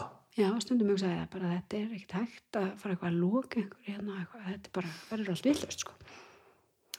en fólk var ótrúlega skynsamt og bara það sko var svo einhvern megin á, ég veit ekki hvernig ég þú veist það var svona, svona þú veist, maður hugsaði vá hvað ég er heppin að vera í þessu samfélagi. Bara fá að vera hluti að þessari heilt hérna. Já, og ég sé að hér horfir þú bara á skip út um glöggan, já, það er alveg sé ég bara þú sér bara heiminn. Fórsetan í þess átt og, og gróttu í hinna sko. Já, ég sá, maður, það var að vera að uh, tala að bólusetta börnin okkar. Já, og það kom einhver svona, einhver rosa bylgja hvað fólk að brjálaði við því. Já, hvað var svo margir sem mættu, 90 og þú veist, í hversu mörg prósent sem mættu sko. já, þá fór maður að mynda að fatta þetta líka bara. Já, þú veist, Nei, nei. það eru allir sammála sko, þó að sé einhverju að hafa hátt. Já, já. Og svo bara er allt í lægi að einhverju séu ósamála sko, það er nú líka bara helbriðismerki sko, þú veist, það Já, er bara þannig sko. E, svo einhvern veginn lærði maður svona hlutum samfélagi sitt sko. Ég hérna þú veist, ég var í hóp eitthvað sjö, eitthvað, mæti einhverja bólusetningu og hérna og svo fer maður og bara stendur hann fyrir utan höllina bara allt í þessu fína skilur ég var í símanum að tala við einhvern um eitthvað ægilega mikið vett í röðinni og eitthvað úti og maður bara eitthvað, að þetta var í úlpu það var úrslega kallt eitthvað einanda kemur að mér hérna bandarísk kona sem er búin að vera á landinu að gera heimildamynd um mig og hún var bara eitthvað ertu hérna í röðinni? og ég bara eitthvað og hún var hann af tilviljun að því sagt með íslenskum vinnum sínum sem voru í röðinni Mhm. ég eitthvað, já, ég er inn í röðinni, ég er endar í símanum en hérna, hún eitthvað ég verð að fá að taka þetta upp. Og ég alveg, af hverju? Bara fórsætsræðurinn í röðinni. Og ég sagði, ég get bara lofa þér að það finnst engum þetta neitt skrítið þannig sko, þú veist, að það finnst engum þetta neitt skrítið sko, held ég. Ég skal umóra þetta. Já. ég held okkur finnist þetta ekki skrítið Nei. en ég held okkur myndi ekki finnast skrítið þú myndir ekki gera þetta. Kannski, en það fannst engum þetta skrítið sko. Og svo ert þú nú líka búin, að byggja upp þessa ímynd að, að vera ekki að bera stáð umfram aðra sko. það eru margir sem koma á undan og margir sem ætla að koma á eftir sem er eftir að taka þetta allt allt öðruvísi. Kannski, en samt ég það ekki. Veist, þetta var bara ákvörðun, skilur allir fara bara þegar kemur að þeim, sko. Já, það var veit. bara flott, sko. En þú hefði getað ákveðið að hafa þetta öðruvísi. Já, já, þú ræður. Svo var ég sem á svona eitthvað því ég er náttúrulega yngri en ýmsir samráðarar mínir þannig að ég var bara, já, það kom að þér til hamingjum með það. En þetta eru aldrei í hug þú veist, langar þig aldrei langar þig? Hugsar aldrei út í þetta þú veist, einhver forréttindi eða fullt af forréttindi sem fylgir þessu starfi. Já, algjörlega, þú veist fullt af á ferðalögum og svona maður í alls konar alls konar hérna flýti meðferð og fínir ís varstu þá allan daginn að metta hvort það er nútfærið eða ekki eða? Nei, nei, minna stundum er það bara svona ákveð hægraðinga málskiluru að þú veist, ná fleiri fundum í staðan fyrir að vera þrjá tíma á flugvelli, sko Já, veist, þannig að það getur alveg verið skinsamnett, sko að gleymi þessu um líka sko. maður reynir að vera bara svona skinsamur í þessu mati, sko fullt af svona alls konar og ég meina svo eru ákveðna reglur bara í útlöndum um þetta þú veist, býtu nú við. Ég meina þú ferð ekki eða þú veist, maður fyrir útlanda þá verður maður að gangast inn á regluna sem það ríkja með eins og þá er, fær maður lífarðasettið og allt þetta, sko. Útluta þegar þú kemur út? Já, já, já, en það er mismunandi myndi landa, sko. Ok. Og hvernig hendar þetta er Þetta sko, fór svolítið illa í mig fyrst sko, mér fannst þetta eitthvað svona einhver skerðing á mínu frelsi. Með einhvern kall bara allt einu eitthvað alltaf eitthvað hangandi mér svo einhvern megin pinnum maður sér bara á þetta ég fyrir alltaf, ég fyrir heyri fólk um æfisögu þess og hvernig það vil lett hér og, og eitthvað og þú veist, svo er ég alltaf með eitthvað við en já, ég ætla nú bara að ganga núna og eitthvað, alltaf svona aðeins að hleypa upp sko Mér finnst þú að gaman að hleypa eins upp einhverju svona, já, nú ætlum ég bara að labba hérna, já, það er nú mjög óheppilegt. Ég bara, nei, nei, löpum bara. Út í New York sagði eitt svona kall við mig, lífurður. Og við vorum að labba, labba í eitthvað svona fínir ís hótel þar sem átt að vera einhverjir leiðtóar og ég átt að hitta Donald Trump og allt sko. Þannig að það var búið að loka öllu nema fyrir einhverjum svona brinnvörðum bílum og ég sagði, ekki bara labba. Og hann bara, jú, jú, ekki málið svo við löpum og svo segir hann, þá við búin að lappa svona hann sagði, horfir þú í augun og öllum sem þú hittir? Og ég eitthvað, já og hann bara einmitt, sko, þetta gera ekki bandaríkjaman þetta, þetta, þú ert greinilega frá einhverju öðru landi þar sem þetta er í lagi, því þú veist þá horfa allir svona furðulosnir á okkur. Og ég eitthvað, já, fyrirgjöðu við erum alltaf, við erum alltaf að leita fólki sem við þekkjum. Ég veit það, ég var bara eitthvað, já, þessi, nei þú veist, auðvitað þekkti ég engan, þetta var New York. Og allir horfði á mig bara á móti bara, ótrúlega skríting húnna með lífvörð sem er einhvern veginn að glápa alla. Og ég bara fyrirgjöðu, ég held bara áfram að gera, maður getur ekki tætt að vera sá sem maður er, sko. Þannig að ég menn bara var einhvern veginn koni, bara eitthvað svona heilsöllum á leiðinni skiluru og þetta er bara ósérrátt skiluru við erum svo skrítin oft sko. já, þetta er bara svona. Þetta vinnur svo oft með manni en stundum er maður svo undarlegur sko. Já, já, mér líður stundum eins og ég sé mjög undarleg sko. Og hérna og það er bara en það er bara já, verður maður ekki bara taka utan á það jú, erum að faðma það allaleg alltaf Já, já, já, bara og þú veist, svo- ég bara einmitt, ég felli mig bara við það reglu sem gilda í þessum, þú veist, þar sem já. er tekur því bara en hvernig er að taka, þú veist stóru fundina á slægina sem að er, mann líður stundum bara eins og þetta sé einhver, einhver sýning sko. eða þú veist, svona leiðtóðfundir eitthvað svoleiði sko. þetta er, mjög, þetta er svona æfisöfni myndi ég segja já, En það er náttúrulega mikið að líka að reyna að hafa einhverja rödd sjálfur sko. Erum ekki bara eitthvað að segja eitthvað sem er búið að er að að skrifa menna niður sko, fyrir mann. Heldur reyna að segja eitthvað sjálfur sko. Og það er það sem, ég, ég meina ég viðurkenni það þegar ég var að mæta fyrstu svona fundina. Ég var bara sko, bara með hjartslátt og trublanir yfir því að nú myndi ég klúra þessu algjörlega og segja einhverja vitlis og eitthvað. En svo hugsa maður allt er þetta bara fólki svo ég sko. Já, Þetta er bara allt velnætt fólk. kemur alltaf á endanum sko. Já, það er bara þannig sko. En það var einu sinni á svona dramatískum fundi hjá Atlasasbandalæðinu og það var svona miklar umræður og ég get ekki upplýst um þær því þær eru allar trúnaðamál. mm -hmm. En þá sagði ein, ein mannskja við með eftir fundin mest gaman við þennan fund var að fylgjast með andlitur á þér. Ha, sagði ég. Að það mátti lesa út úr þínum svip alltaf nákvæmlega hvað þér fannst um það sem Já, hver og eitt var að segja. Ég guð minn góður. Þú veist, ég er náttúrulega ekki pokerface. Nei, þannig að ég var að hlusta á alla og ég var bara, nei, hættu nú alveg. Nei, er hann að segja þetta. Já, ég er mjög sammála þessu, skilur og var bara með sko svipriðin alveg eftir þessu. Það er ekki hugmyndu það. Og ég samt, sko, fannst þetta hrikalega fyndið eftir á því það sýta allir algjörlega svona hreyfingarlausir og gefa ekkert upp hvað þeim finnst og ég er náttúrulega eins og einhver sko grínisti þarna á fundinum. En af hverju er þetta? Ég held að þetta sé til og með stór partur að ég, að ég hef ekki náð að tengja við þetta. Af hverju, af, af hverju getur ekki bara sínt mér hvað þér finnst? það eru allir að halda spilunum þetta að sér nema ég sem var bara eitthvað sjáu þið spilin, sjart að- sjö. Þú lítur, hjarta sjö. Þú lítur þá að hafa rétt fyrir þér, þú ert fórsættis á Þetta, þín aðferð lítur að vera betri. Ég ætla að ganga, ég ætla að ganga út frá því. Ég veit það ekki, en maður verður bara svona að finna sig í þessu einhvern veginn, þú veist, hvað, hva, og ég á voða erfitt með einhvern veginn að vera svona dul á hvað mér finnst, sko. Það er bara mjög erfitt og ég hef náttúrulega verið skömmu fyrir það, verður með allt og mikla svipi og brósum mikið, hver skammar er fyrir það? alls konar fólk. Skömmu Sér- fyrir það þegar ég byrjaði í pólitík. Bara, ég væri alltaf eitthvað hlægjandi, eins og einhver vilsingur. Hugsa sér Já, þetta er bara svona, Ég hefði haldið að þetta væri einmitt eitthvað sem að myndi svo innilega vinna með manni frekar en hitt. Já, það er nú allir gangur. En þú veist, kannski vinnur það alveg með manni en það er alltaf einhverju sem hafa skoðun. Og svo hefur fólk skoðun á ýmsu bara hvernig maður er og hvernig maður lítur út og einhvern tímann las ég okkislega fyndi, það var eitthvað bestklættu þingmenninir, ég var nú ekki bestklætt en ég var á einhverjum lista. En því fylgdi, eða það stóð hún hefur greinilega fengið sér stílista og ég eitthvað nú? En þá, en í raun og veru var þetta líklega manninu mínum að þakka. Því ég vil helst klæðast í svona litringum fötum í, í, sem eru alltaf stóra á mig. En hann hefur einhvern veginn verið eitthvað að týna þetta út úr fattskapum undanferðin ár og þetta er alltaf eitthvað svona ég- þú veist, það, já, honum finnst honum finnst minn smekkur ekkert mjög góður.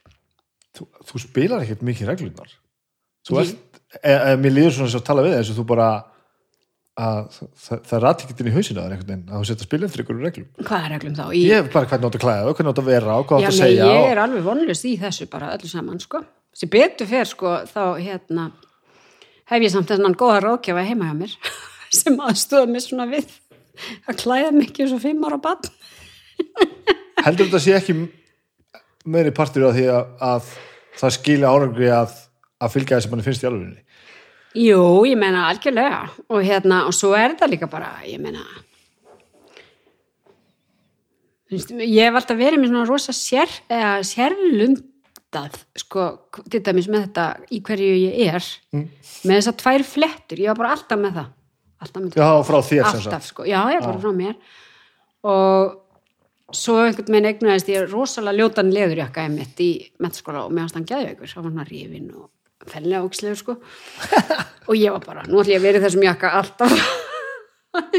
Með alls konar svona skrýtna svona veist, ég var alltaf með hjólategjur á buksónu mínu mér varst það töff.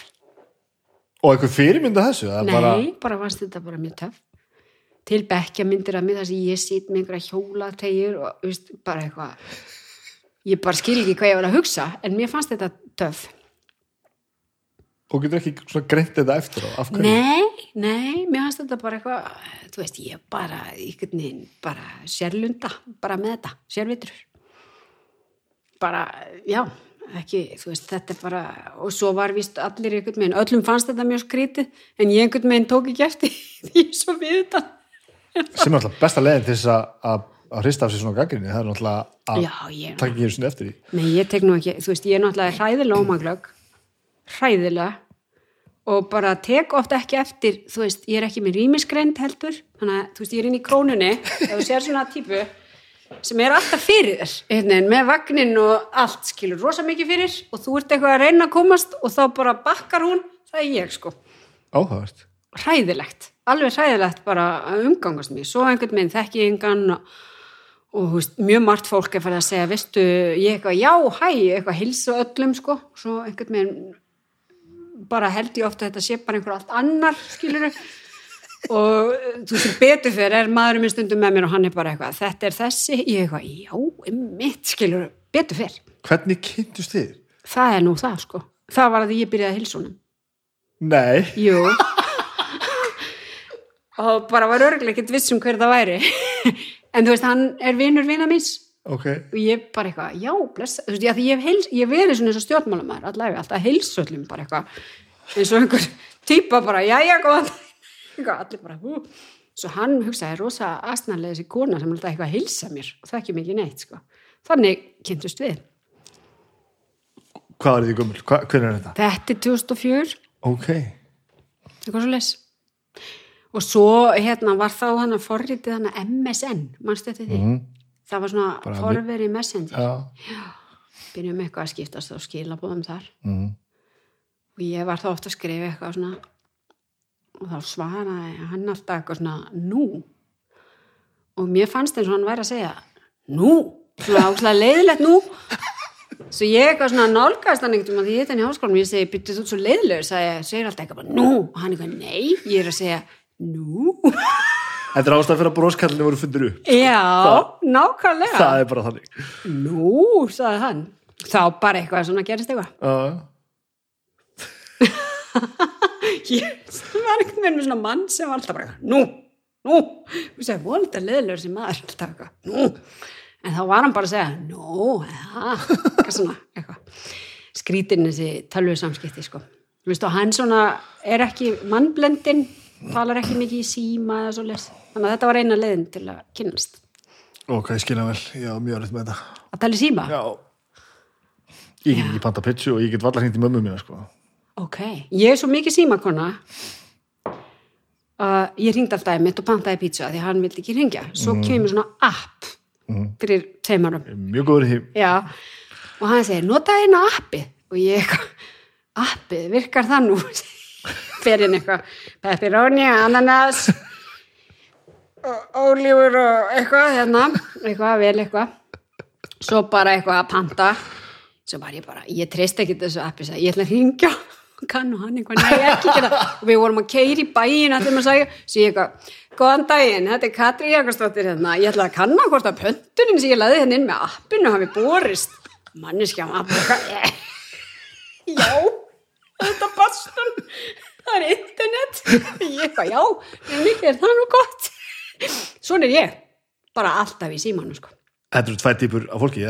Þið sem talið í síman og við sem gerum það ekki, sko. já, og þið hinn er nefnt með komi yfirhöndina í þessu Já, samfélagi menna það. Já. Þegar þú segir það. já, Það þið við erum bara eitthvað skrítið fólk sko Ég er alveg hræðilegur með þetta, sko. Þetta er, þetta er ekki gott. getur það ekki svona spjalla Nei. Get þetta, auðvitað. já, uh, og mér finnst ógeðslega gaman að hitta fólk og tala við það sko, og bara fólk sem ég þekki fólk sem ég hitt í gær, fólk sem ég aldrei hitt Nei. skiptir engum máli, mér finnst bara mér finnst eitthvað stórkostlegt við að hugsa um og komast að því af hverju fólk hugsar eins og Já. mér finnst það svo heillandi sko. Já. sérstaklega það kemur óvart.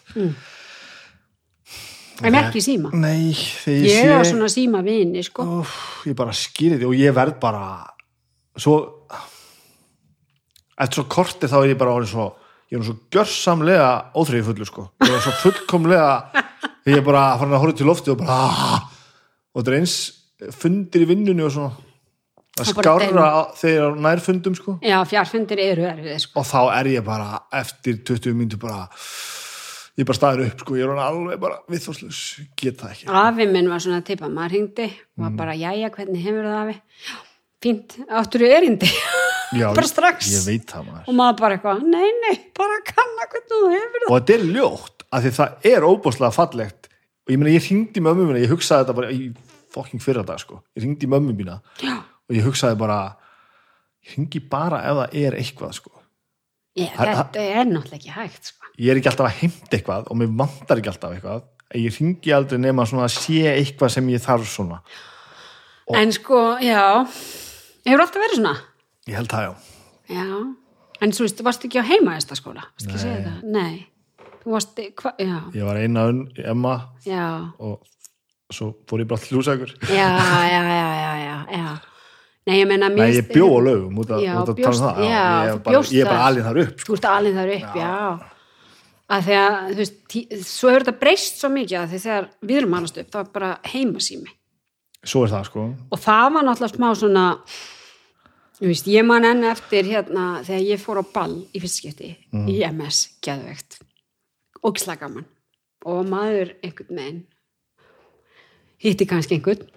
Svo beð maður næsta dag hvort að síminn myndi ringa já, já, og og dreif sig að svara símanum. Þú veist, þá ringdi heimasímin og ég gleymi ekki þegar hérna, svo loksins heimasími eða svo var ég búin að svara nokkur sinnum og aldrei sá sem ég var að vonast eftir að ringdi svo ringi símin og pappi nær símanum og undan mér og hann bara eitthvað, hver er þar? fyrir ekki, getur þú tala skýra og ég var bara, nei. Og svo bara fyrir ekki, tala svo óskýrt. Og ég eitthvað, hófst bara þarna fælingin. Alveg þýlíkt þá var þetta svo sem ég var að býða þetta skil ekki, sko, hvern, þú veist þegar ég segi mínum strákum frá þessu þeir horfa bara á mig eins og ég sé alveg upp í torpa já en það er eitt þetta sími. Wow. Já, og líka bara öll, allar bóðleiðir já, maður er í alveg, við sem upplifum þetta og ég tala líka um fólk, fólk sem eru eldri en við sko. já, þetta var bara látið ganga sko. og þá var bara haldinir heilu risastóra fundindir þar sem allir mættu og það var hitt og þetta gert og ég veit ekki hvað og hvað og hérna en, en núna gerum við þetta bara svona eina grúpu á Facebook eða eitthvað. Já, já og bara hægt að afgreða endalaust eitthvað í gegnum einhver tölupost og eitthvað. Já, En þetta er einhvern veginn og þú veist, og það að vera svona lengi í símanum og sitja með eitthvað símtól það er svona svolítið svona skrítin tilhugsun núna, sko. já ringja í alla til þess að koma þeim á sama staðin og ef einhver var ekki heima þá var bara ómögulegt að vita hvað hann var í dag er maður bara hva, hvernig var þetta gert? Já, en þetta er svolítið góð, hérna þetta er nú að því að hérna, ég hef haldið veislur fyrir tvo eldri drengina mína. Sko, svo elsti fermdist ekki en hann hjælt samt veislu. Og svo næsti fermdist og hjælt veislu. Ég leta að ringi alla gestina. Þú lest á ringja í alla gestina? Já. Að því þær, þú veist, maður verður að læra eitthvað og hafa fyrir þessu. Og hvað þetta er frábær pæling maður. og það var svolítið gaman að hlusta og taka símtölin. Bara eitthvað, þeir, þú veist þeir voru bara með handrit sko. Og, og, er þú vegan? alveg að spyrja fólk sér þekkja mjög vel. Og er þú vegan? Nei, ok. Og ég bara eitthvað, ok, hvað hefur oft borðað með þessari konu hérna? Þú veist alveg hún er ekki vegan. Betra að vera vissan já, en betur að viss, vera viss. akkurat. Þetta er frábær pæling já, þú veist, fólk verður að kunna þetta. Og, og þú ert, þú veist, fólk er ekkert mikið að ringja í samtímanum Mhm. en maður þarf að geta það. Mann er bara þarf að geta það er ennbla rétt og ég finn það. Þannig að þú þarf bara ákveð að halda visslu og ringi Ó, alla. Það er svo innilega sem ég þarf að gera sko. og þá bara kemstu yfir þetta eins og ekkert sé. svo er þetta náttúrulega alltaf það. Um leið og ég er búin að slá í númeri og einhver svarar þá er þetta ekkert mál sko. Nei, nei, nei, nei, þetta er alveg að naga með innan alveg bara alveg þangað til sko. Bara nálgast sím, ég, bara, þeirra, ég, já, ég, bara, ég fæ bara líkamlega einkenni síma fælni,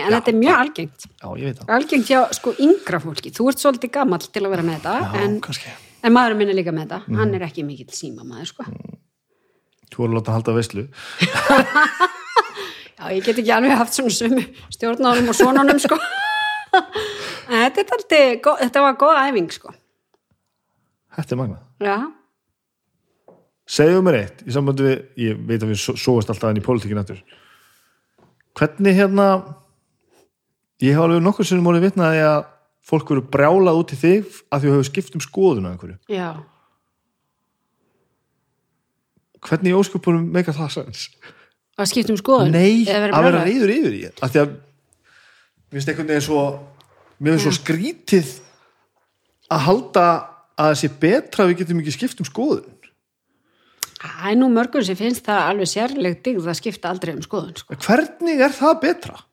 Nei, mér finnst það ekki betra, sko. En þetta er svona, mér finnst þetta, hefur maður skipt um skoðun eða hefur maður skipt um gildi og mér finnst þetta að vera svona ólíkt, sko. Ég segi, ég hef alveg skipt um skoðun og stundum hugsaði bara, veist, maður hefur tekið afstöðu, byggð á einhverjum upplýsingum sem maður hefur og svo sér maður, ok, þetta var, það hefði geta verið betra. Veist, það er bara Já. eðli pólitíkur og þá skiptir maður um skoðun.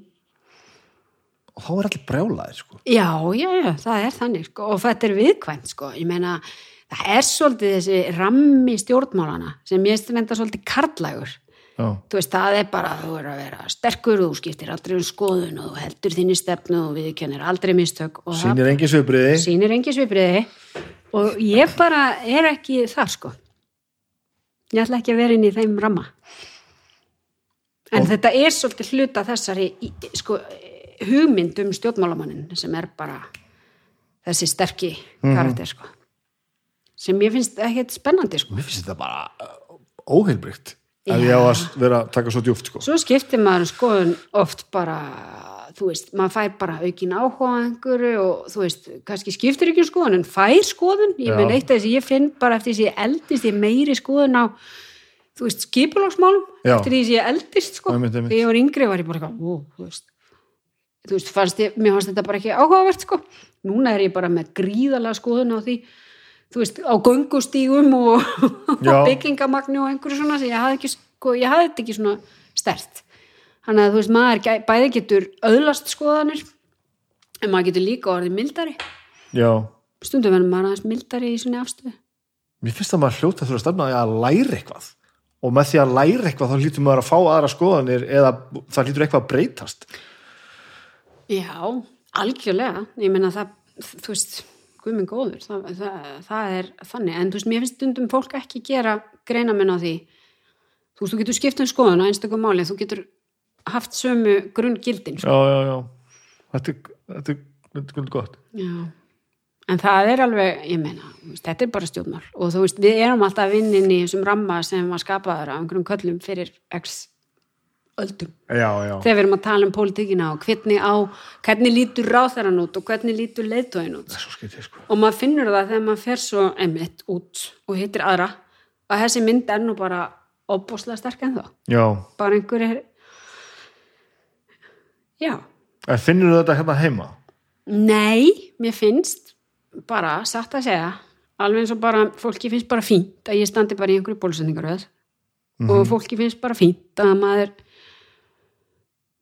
sé bara á pítsustanum og eiginstanum eiginstöðum á leiðin á ríkistunarvend Já. fólk er bara, mér finnst bara almennt fólkið hér í okkar samfélagi vera frekar umbralind Mm og minnst að vera, minnst að hafa rými í hjertanu fyrir alls konar.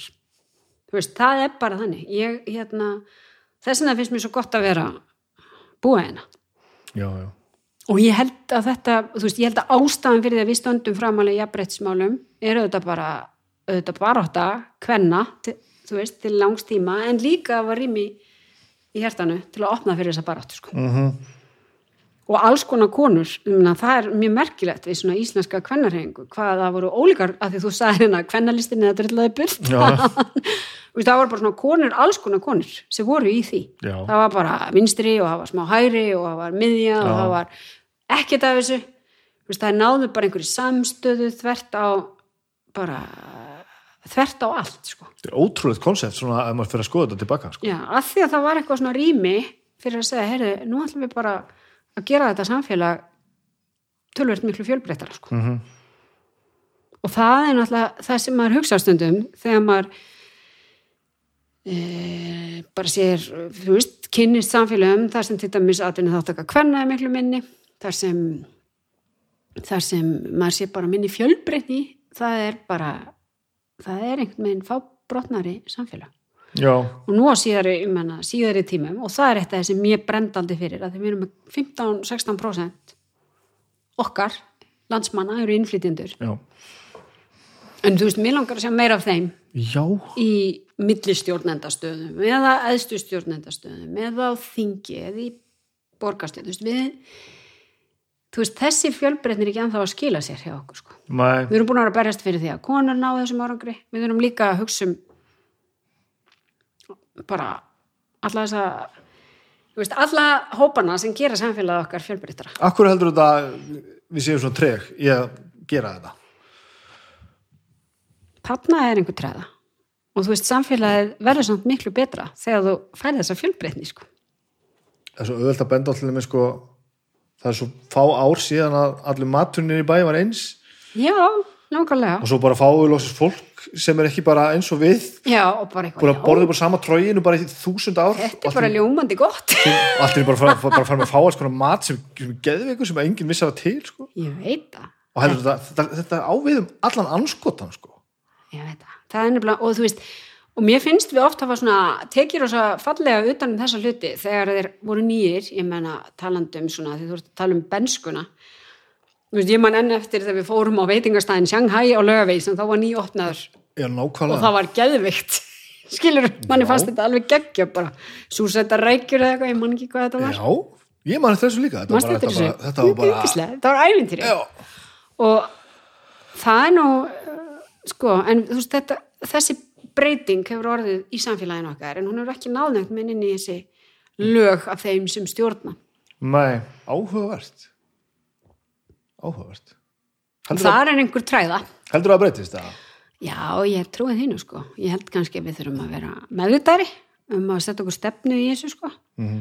segja bara, við erum bara að leita eftir þið alveg eins og þú veist, núna er fólk af öllum kynjum hvað til að sækjum Mhm. kannski þarf að hvetja innflytjendur til að sækjum Það fara bara einhvern, í rauninni einhvern áttak eða þannig Já, svona já. að opna formlega á það einhvern veginn. Já, og ég meina, og stundum er það þannig að það er erfitt að fá hérna, fólk að vera uppruna til að taka þátt eins og í stjórnmálum, sem maður skilur alveg maður myndi sjálfur vera higgandi Já, já. nýkomin í eitthvað Já, já, annar land að fara eitthvað beint inn í einhvern flokk og svo fattar þú veist, eftir einhverja mánuði að þessi flokkur er kannski um eitthvað annað þú helst, skilur Já. maður skilur það alveg. En svo finnum maður líka hvað það gerir allt frábært þegar hérna fólk kemur og byrjar að taka þátt og maður einhvern veginn getur lært ótrúlega margt nýtt sko Mhm. og þú veist það bara opnar augumann sko. Þannig að þetta er svona einhverju leiti sko, þú veist, við erum hér bara í okkar samfélagi, okkar hérna leikskipulagi og hérna þurfum kannski aðeins að breyta því Mm. til þess að fá fleiri inn. Og það myndi vera, þú veist, gera samfélagi betra.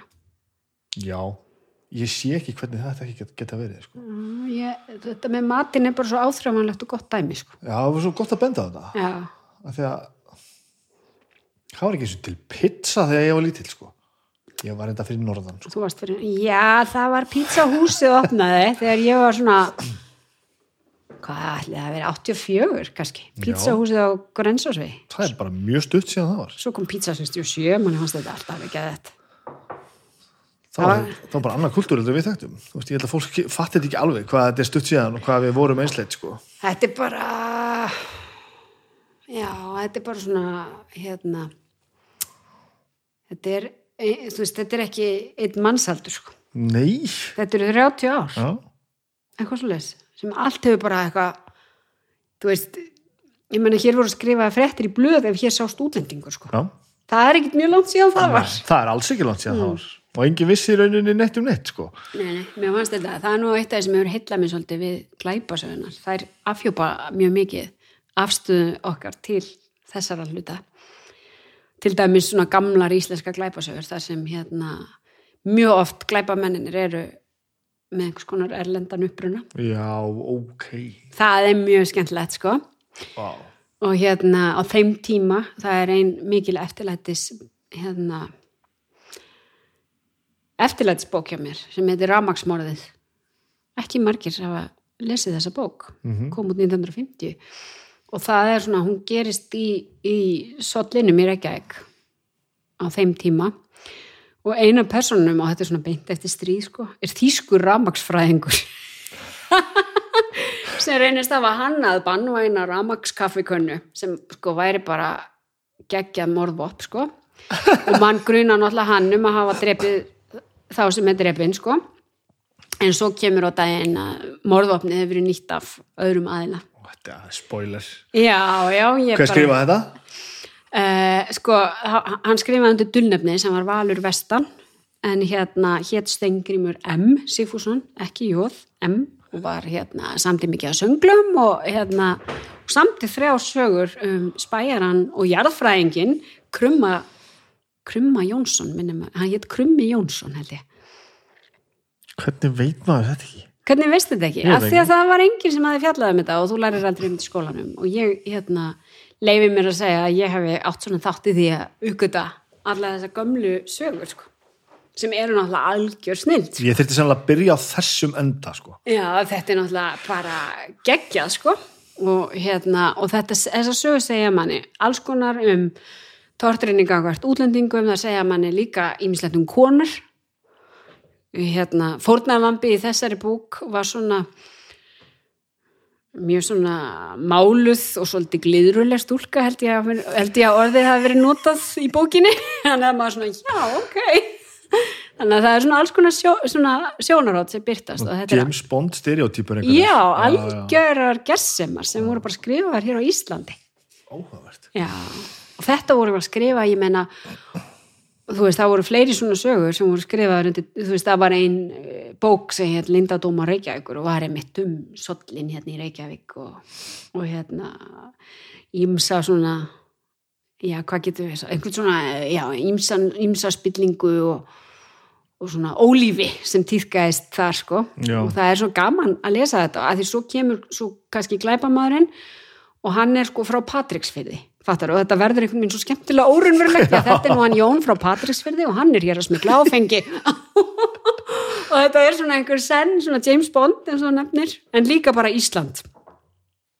Já, ég þarf að lesa þetta. Nú, er- búin að kveika áhuga Já, sem að ég hafði þetta ekki, er heitlandi heimur sko. Já. finnst mér sko. Og svo náttúrulega er þetta allt orðið svo þú veist, glæpasögur dagsins í dag eru þetta bara, þú veist bara skora hátt alþjóðlega og bara ótrúlega velgerðar og mikil fjölbreytni og höfundar sem eru veist, þýttir um allan heim þannig að þetta er auðvitað svolítið öðruvísi en þetta var, þetta var svona svona þegar maður lesa þessar gömlu bækur þá er þetta svolítið svona bækurnar að slíta eða svona hefðin svolítið svona sko hún náði ekki einhvern veginn, hún var inn í þessu samfélagi, þessu gamla samfélagi og einhvern veginn náði ekki að verða alveg trúverðug sko. nei, nei, nei. Ég held að, eins og það sem ég sagði þetta í byrjun sko, þetta með að ég sé alltaf að klekja höfundurum sko. Ég held ég myndi geta haft svo gaman að lesa sko formið Já, að sjá eins og þú ert að lýsa sko. Er hvernig geng- formið verður til Já, það gengur ekki alveg upp en þetta er samt eitthvað svo frábært sko. Ég held ég myndi ná að njóta þess sko. Já, það er bara það sem er svo skemmtilegt sko. og hérna, og mjög oft eins og ég segi útlendingar sem koma vægast átt illa fyrir sögum, bara alltaf eitthvað svona ógeðfeldir menn og maður bara eitthvað, ok þannig að þeir eru oft drefnir eða grunaðir Svona, í, í, rauninni rasismi að hafi ekki endilega verið það var enginn að reyna að Nei, ég menn þetta bara endurspeglar Já. skiluru og bara óttan við þetta óþekta sko, sem er þetta alltaf svo hérna knýjandi já, já. þú veist, sem er eina þessum svona grunn tilfinningum sem er uh, svo ráðandi alltaf sko, óttast þið óþekta sko. hvað hérna hv- hvað áhugamál hefur fleira heldur en, heldur en þetta þú, þú ljómar þegar þú talar um glæpasögur Já, ég elska þér þú fer bara, þú bara það tóknar úr þér bara Já, þetta er náttúrulega bara, þú veist, þetta er svo skemmtilegt. já, Bókmyndir eru svo skemmtilegar. Ég les náttúrulega á hvernig degi. Alltaf einhvern skráldskap. vá Ekki bara glæpasögur, stundum bara ljóð. Eða... Og svo les ég náttúrulega líka fullt af, hérna, veist, einhverju non-fiction, eins og það heitir á útlensku. Þú veist, bara svona fræðibækur og hérna, hann les bara mjög mikið. mm. Og hvað fleira? Hva, hvað, Hvað geri ég fleira? hvað gerir fleira? fyrir utan að lesa og vera fórsættisáður Lesa og vera í vinnunni. Ég fyrir út að hlaupa. já, en það er nú bara eh, svona tilraun mín til að hérna, lifa heilbriðu lífetni mm og það finnst mér gaman að fara út að leipa hleyp hérna ring, 10 km ring stundum ok já, ofsalega hérna, mér finnst það ótrúlega skemmtilegt Finnst þið gaman að hlaupa? já, Ó, ég vildi ég hefði þetta sko. Mér finnst það geðveikt sko. en þú veist, mér finnst það geðveikt núna mér fannst það ekki, en eftir að hérna, að það kom inn í líf mitt að því ég segi alltaf já. Það kom inn í líf mitt svona bjargvættur uh, sem var sem sagt það var þannig 2020 að það rannu fyrir mér. Að ég hefði glemt eða við höfum glemt að kenna yngsta dregnum okkur að hjóla almennilega skilur, þetta er svona óheppilegt. Maður hugsa að býta hann er aldrei gamall og, og þetta er einhvern veginn eitthvað að setja það á hakan þannig að ég segi bara að hér er verk að vinna nú förum við út og lærum að hjóla. Svo við förum út og nýra á ægisíðu og ég var þá búin að vera finna fyrir hérna, kynna fyrir svona ákveðinni heldi eða svona fundi til í fætinum. Fer nýra á ægisíðu og er þar eitthvað haldrandi með eitthvað hjól eitthvað, eitthvað að láta hann eitthvað svona fullnust að það að læra hjóla og hitti þar konu sem ég kannaðist lauslega við. Hún segir þú er nú draga höll uh, er nú gott að þú sést að kenna barninu að hjóla? Og ég eitthvað já, já, já, þetta er nú bara allt í þessu góða. Hvað, hvað, segi ég og svo bara eitthvað, hún horfði hún á mig og sagði, heyrði hérna þegar þú jafnar þig þessari heldi þá skaltu hafa samband við mig. Og ég eitthvað, já. Og veistu hvernig varst? Að... ég sko, hún, við eigum stráka sem eru saman í skóla. Já. þannig að þú veist, já, já, ég vissi alveg hver hún var hún vissi hver ég var, en ekkert meir svo einhvern veginn haldra ég um bara hana, allt sumarið sko, og þangað til uppkemst að ég er sagt með hérna einhvers konar sprungu í lærlegg bara gáðlegt sko og einhvern veginn og vera bara eitthvað eitthvað ég bara, þú veist, já, já, já, já bara þetta er flott hjá mér sko og hérna, þetta aukvitaðist einhvern veginn þegar ég var hjá öðrum lækni út af öðrum máli sem horfði á mig og sagði augljóslega er hér eitthvað ekki í lægi hann að ég einhvern veginn fekk eitthvað hækjur og var alveg brjálið í skapinu ofbúslega reið yfir þessu, þú veist, ég þól ekki svona eitthvað, þetta setti strik í reikningin og hérna samþingmaður minn var vitnað í þar sem ég fór út á hækjunum í fyrsta skipti og var eitthvað bröltandi á þeim og hérðarhanum og hann hafði kyrt framjá og hann hefði sagt, ég bara sá einhverja konu á hækjum og hún var svo reyði fram hann, ég var alveg hrættur, ég bara flýtti mér að keira bara að nema hvað að hérna, svo bara jafnaði þetta sig sem betur fer og, og takk fyrir það, kæri forlög, en hérna þá hefði ég samband við þessa konu. Mm og við erum búin að hlaupa saman síðan. Ég skilji, ok. þannig að hún tók mig bara að sér. Að því þú veist, ég segi bara, já hún eitthvað, já, verður þú ekki bara að koma þér í form þannig að þú getur hlaupið 10 km og ég bara, já. Svo stundum er ég bara eitthvað, akkur er þetta góð hugmynd, skilur Já, og ég bara, en þú veist, stundum er svo gott bara að leifa öðrum bara að taka mann með. Mér finnst þetta ótrúlega lýsing á þessu jáiðinu, sko. Þ- Þarftu að anda djúft og bara Já, ok, eða er þetta bara Já. Til dæmis tökum bara mómenti þegar að það er svona veltur yfir að því hvort þú verið fórsættis á þeirra eða ekki, sem Já. hlýtur að vera pínu svona að skrefa svona ok, ég skal gera þetta. Já, þetta ég er tek svolítið þetta já, þetta er svolítið svona eins og þú veist núna. Svona, já, ok, já, ég, ég hleypt á 10 km já, gera þetta. Þetta er, þetta er tónnin já, ok, ok, ok, þetta er ekkit eitthvað nei, nei, maður bara, já, já. Þetta er ekki bara gaman. Þetta er þessi svona. Já, líka, eitthvað svona og þetta er náttúrulega eitt af því sem sko maðurinn minn hefur kynst sko, frá því að við kynntust það er bara eitthvað ég eitthvað, já hérna, ég veit að við erum núna að fara í sumaferi, en það er hérna aðalfundur hjá svæðisfélagin á miðsuðlandi þannig að ég sagði bara, já, er ekki gaman bara að stoppa þar? Og hann er bara eitthvað, nei, það er ekki gaman. já, já, já. það er þessi alltaf rosa hress. En, en uh, þetta versus, þú veist, keppniskapið já, Veist, langar þig svo að vera fórsættis á þeirra áfram veist, ertu þá að berjast fyrir því að kemur bara, já, ég skal bara gera þetta stæðin þú ert alveg búin að, þú ert búin að vera hvað ert búin að vera lengi? þú ert búin að gera ógeðslega margt í ógeðslega langan tíma. Já, já. Og það eru margir búin að vera alveg brjálaðar á þér og einhvern veginn bara, bara einhvern veginn sigluru í maður má náttúrulega ekki sko, það er eitt sem einn kona sagði nú eins og við mig. Hún sagði bara svo mikið að sko, að vera ekki bitur ef maður tapar sko. Af því ég er með brjála kenniskap. Þú ert það, sem sagt. Já, já, þú veist, maður er í kostningabaráttu og maður vil vinna, það er náttúrulega miklu skemmtilega að vinna en tapa, en ég hef tapað og ég hef vunnið. Mhm. og það er algjört líkiladriði að kunna tapa sko. Og kunna vinna. Mhm. og ef maður vinnur þá er það líka ákveðin skilabóð um að maður verði að, þú veist að maður verði að nýta þann stuðning sem maður fær til einhverja verka en ekki bara sitja og njóta stuðningsins og gera svo ekkert með hann.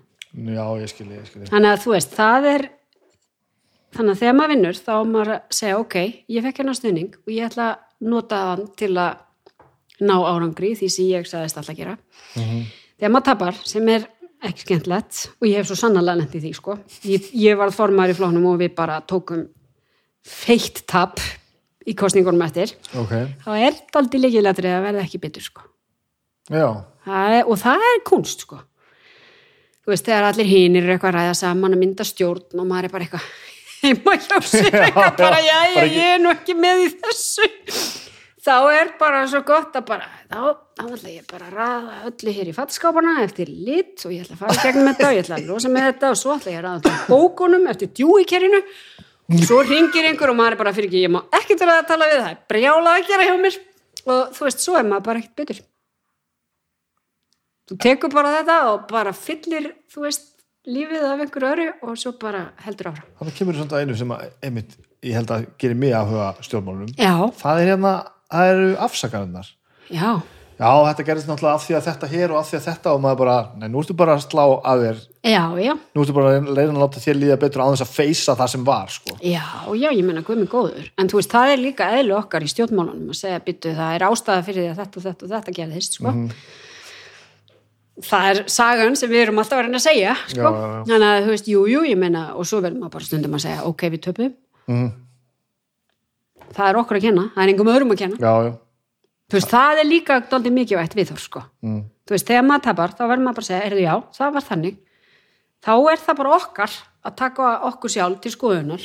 Ég þá, dáist alltaf að þessu, fólki sem getur tekið að tapa, fólki sem getur skipt um skoðun og eitt af því sem ég finnst eiginlega skemmtilegast þegar ég sé í stjórnmálum að einhverju tveir eða fleiri náðu að semja um eitthvað sem þið voru ósamanum af því þá var allir alveg brálaðir af því þá varst þú að svíkja málstæðina af því að þú varst að fara með honum eða henni inn í eitthvað og ná einhverju svona samkomulagi já, og, og þa- þarna verð ég alveg gapandi af því þetta, þetta finnst mér að vera fallegast þessu öllu saman sko. þegar einhver sem er hefur þessa, þessa brennandi skoðun og einhver annar sem hefur þessa brennandi skoðun ná að koma sér einhvern veginn á sama staðinn -hmm.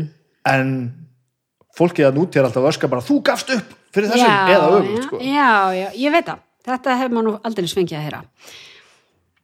Og hérna, en svo er bara, ef maður trúir á það sem maður er að gera, þá verður maður bara einhvern veginn að standa með því, sko. já, Það er líka líkilatriði, þú veist, eins og ég segi, það er að, hérna, í fyrsta lagi vinnum maður enga slægi, maður stendur ekki með sjálfum sér í þeim, sko. Mhm. Og ef maður tapar slagnum, þá tapar maður honum bara með sæmt, sko. já, já, Skilur, það er, þú veist, þetta er svolítið svona, sko. já.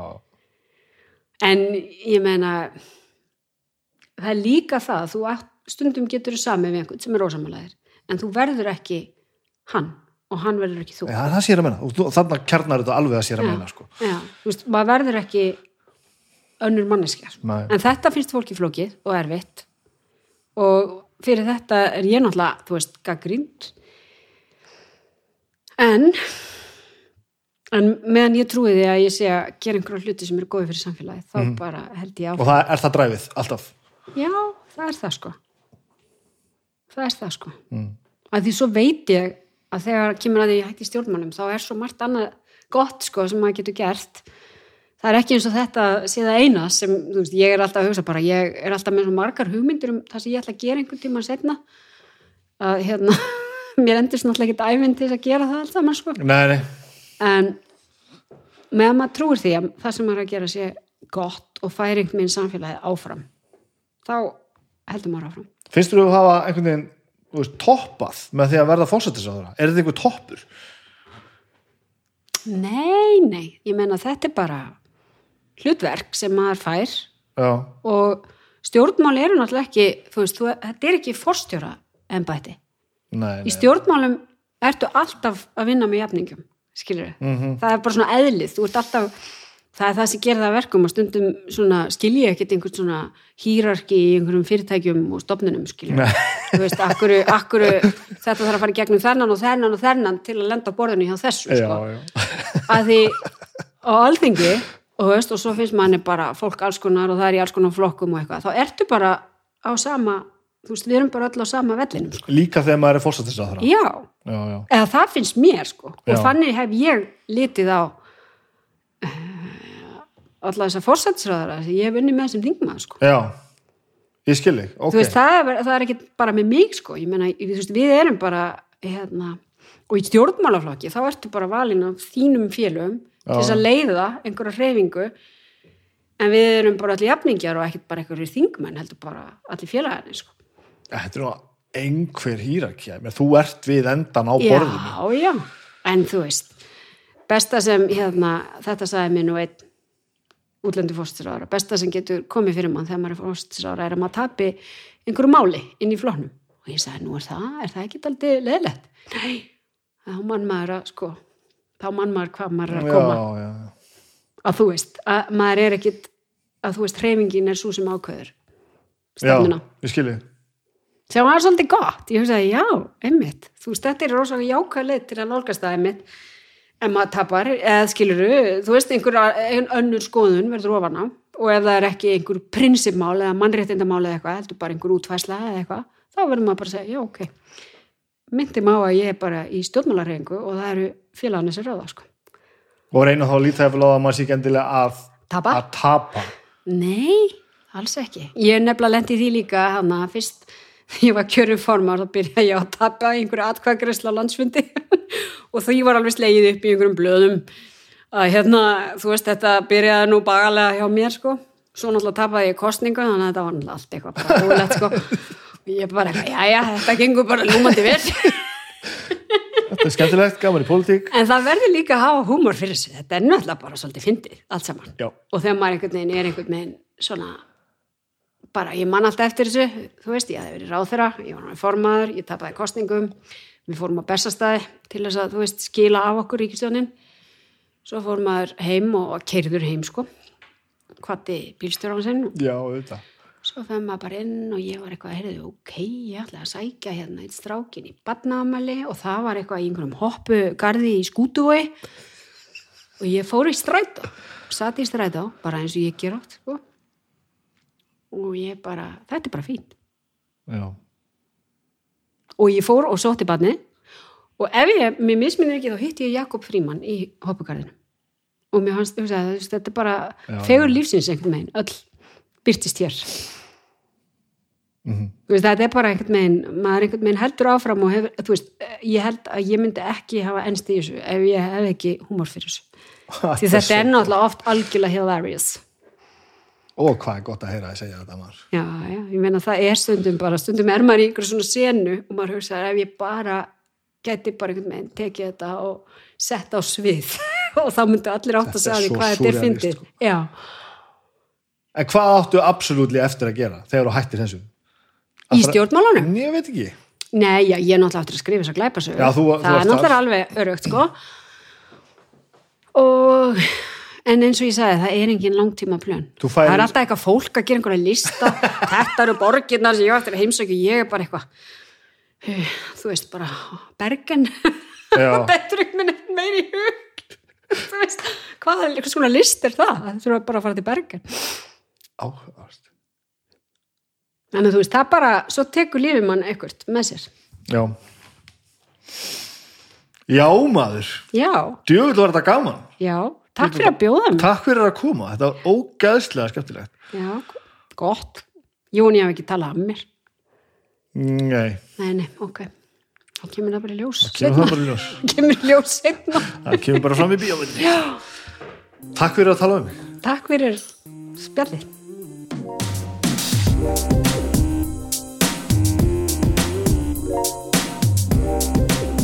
Þá veitum við það, það er nóg að segja bara já, nú var anskoti oft við, nú var anskoti mörgum hlutum og þá endar maður með því að verða fósastis á þeirra þjóðarinnar. Sennilega er þetta ekki alveg svona einfalt og vandarlega eins og svo margi sem hafa komið hér í hennan þátt í viðtal. Þá voru nú að gera svolítið lítið úr því hvað úr eigin, skulum við segja, dugnaði og hæfileikum. Hún er náttúrulega augljóslega framúrskarandi mannskja og ég ætla að endur teka það sem ég sagði hérna fyrir viðtalið. Ég þetta er mannskja sem á eftir að lifa í, í sögubókum og við höfum eftir að sjá og sjá bæði guttur og hús nefndi í höfuð henni.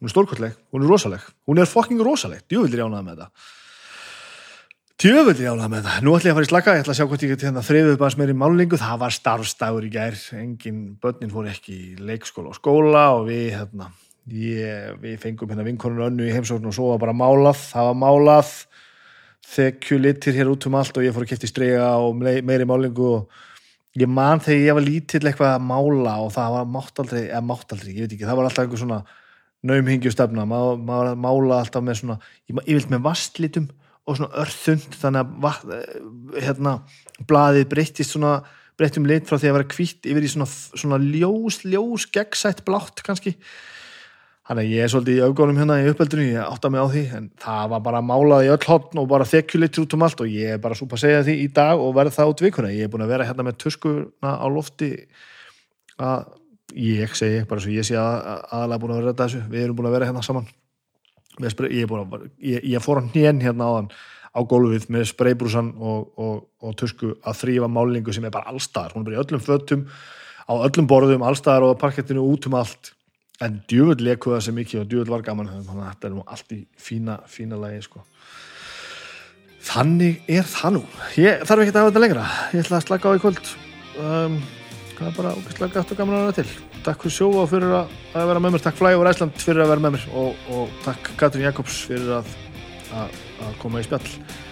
Við gerum þetta svo bara aftur eftir viku. Þið skulle bara hafa það gott hanga til. Ég ætla að gera það. Bless bless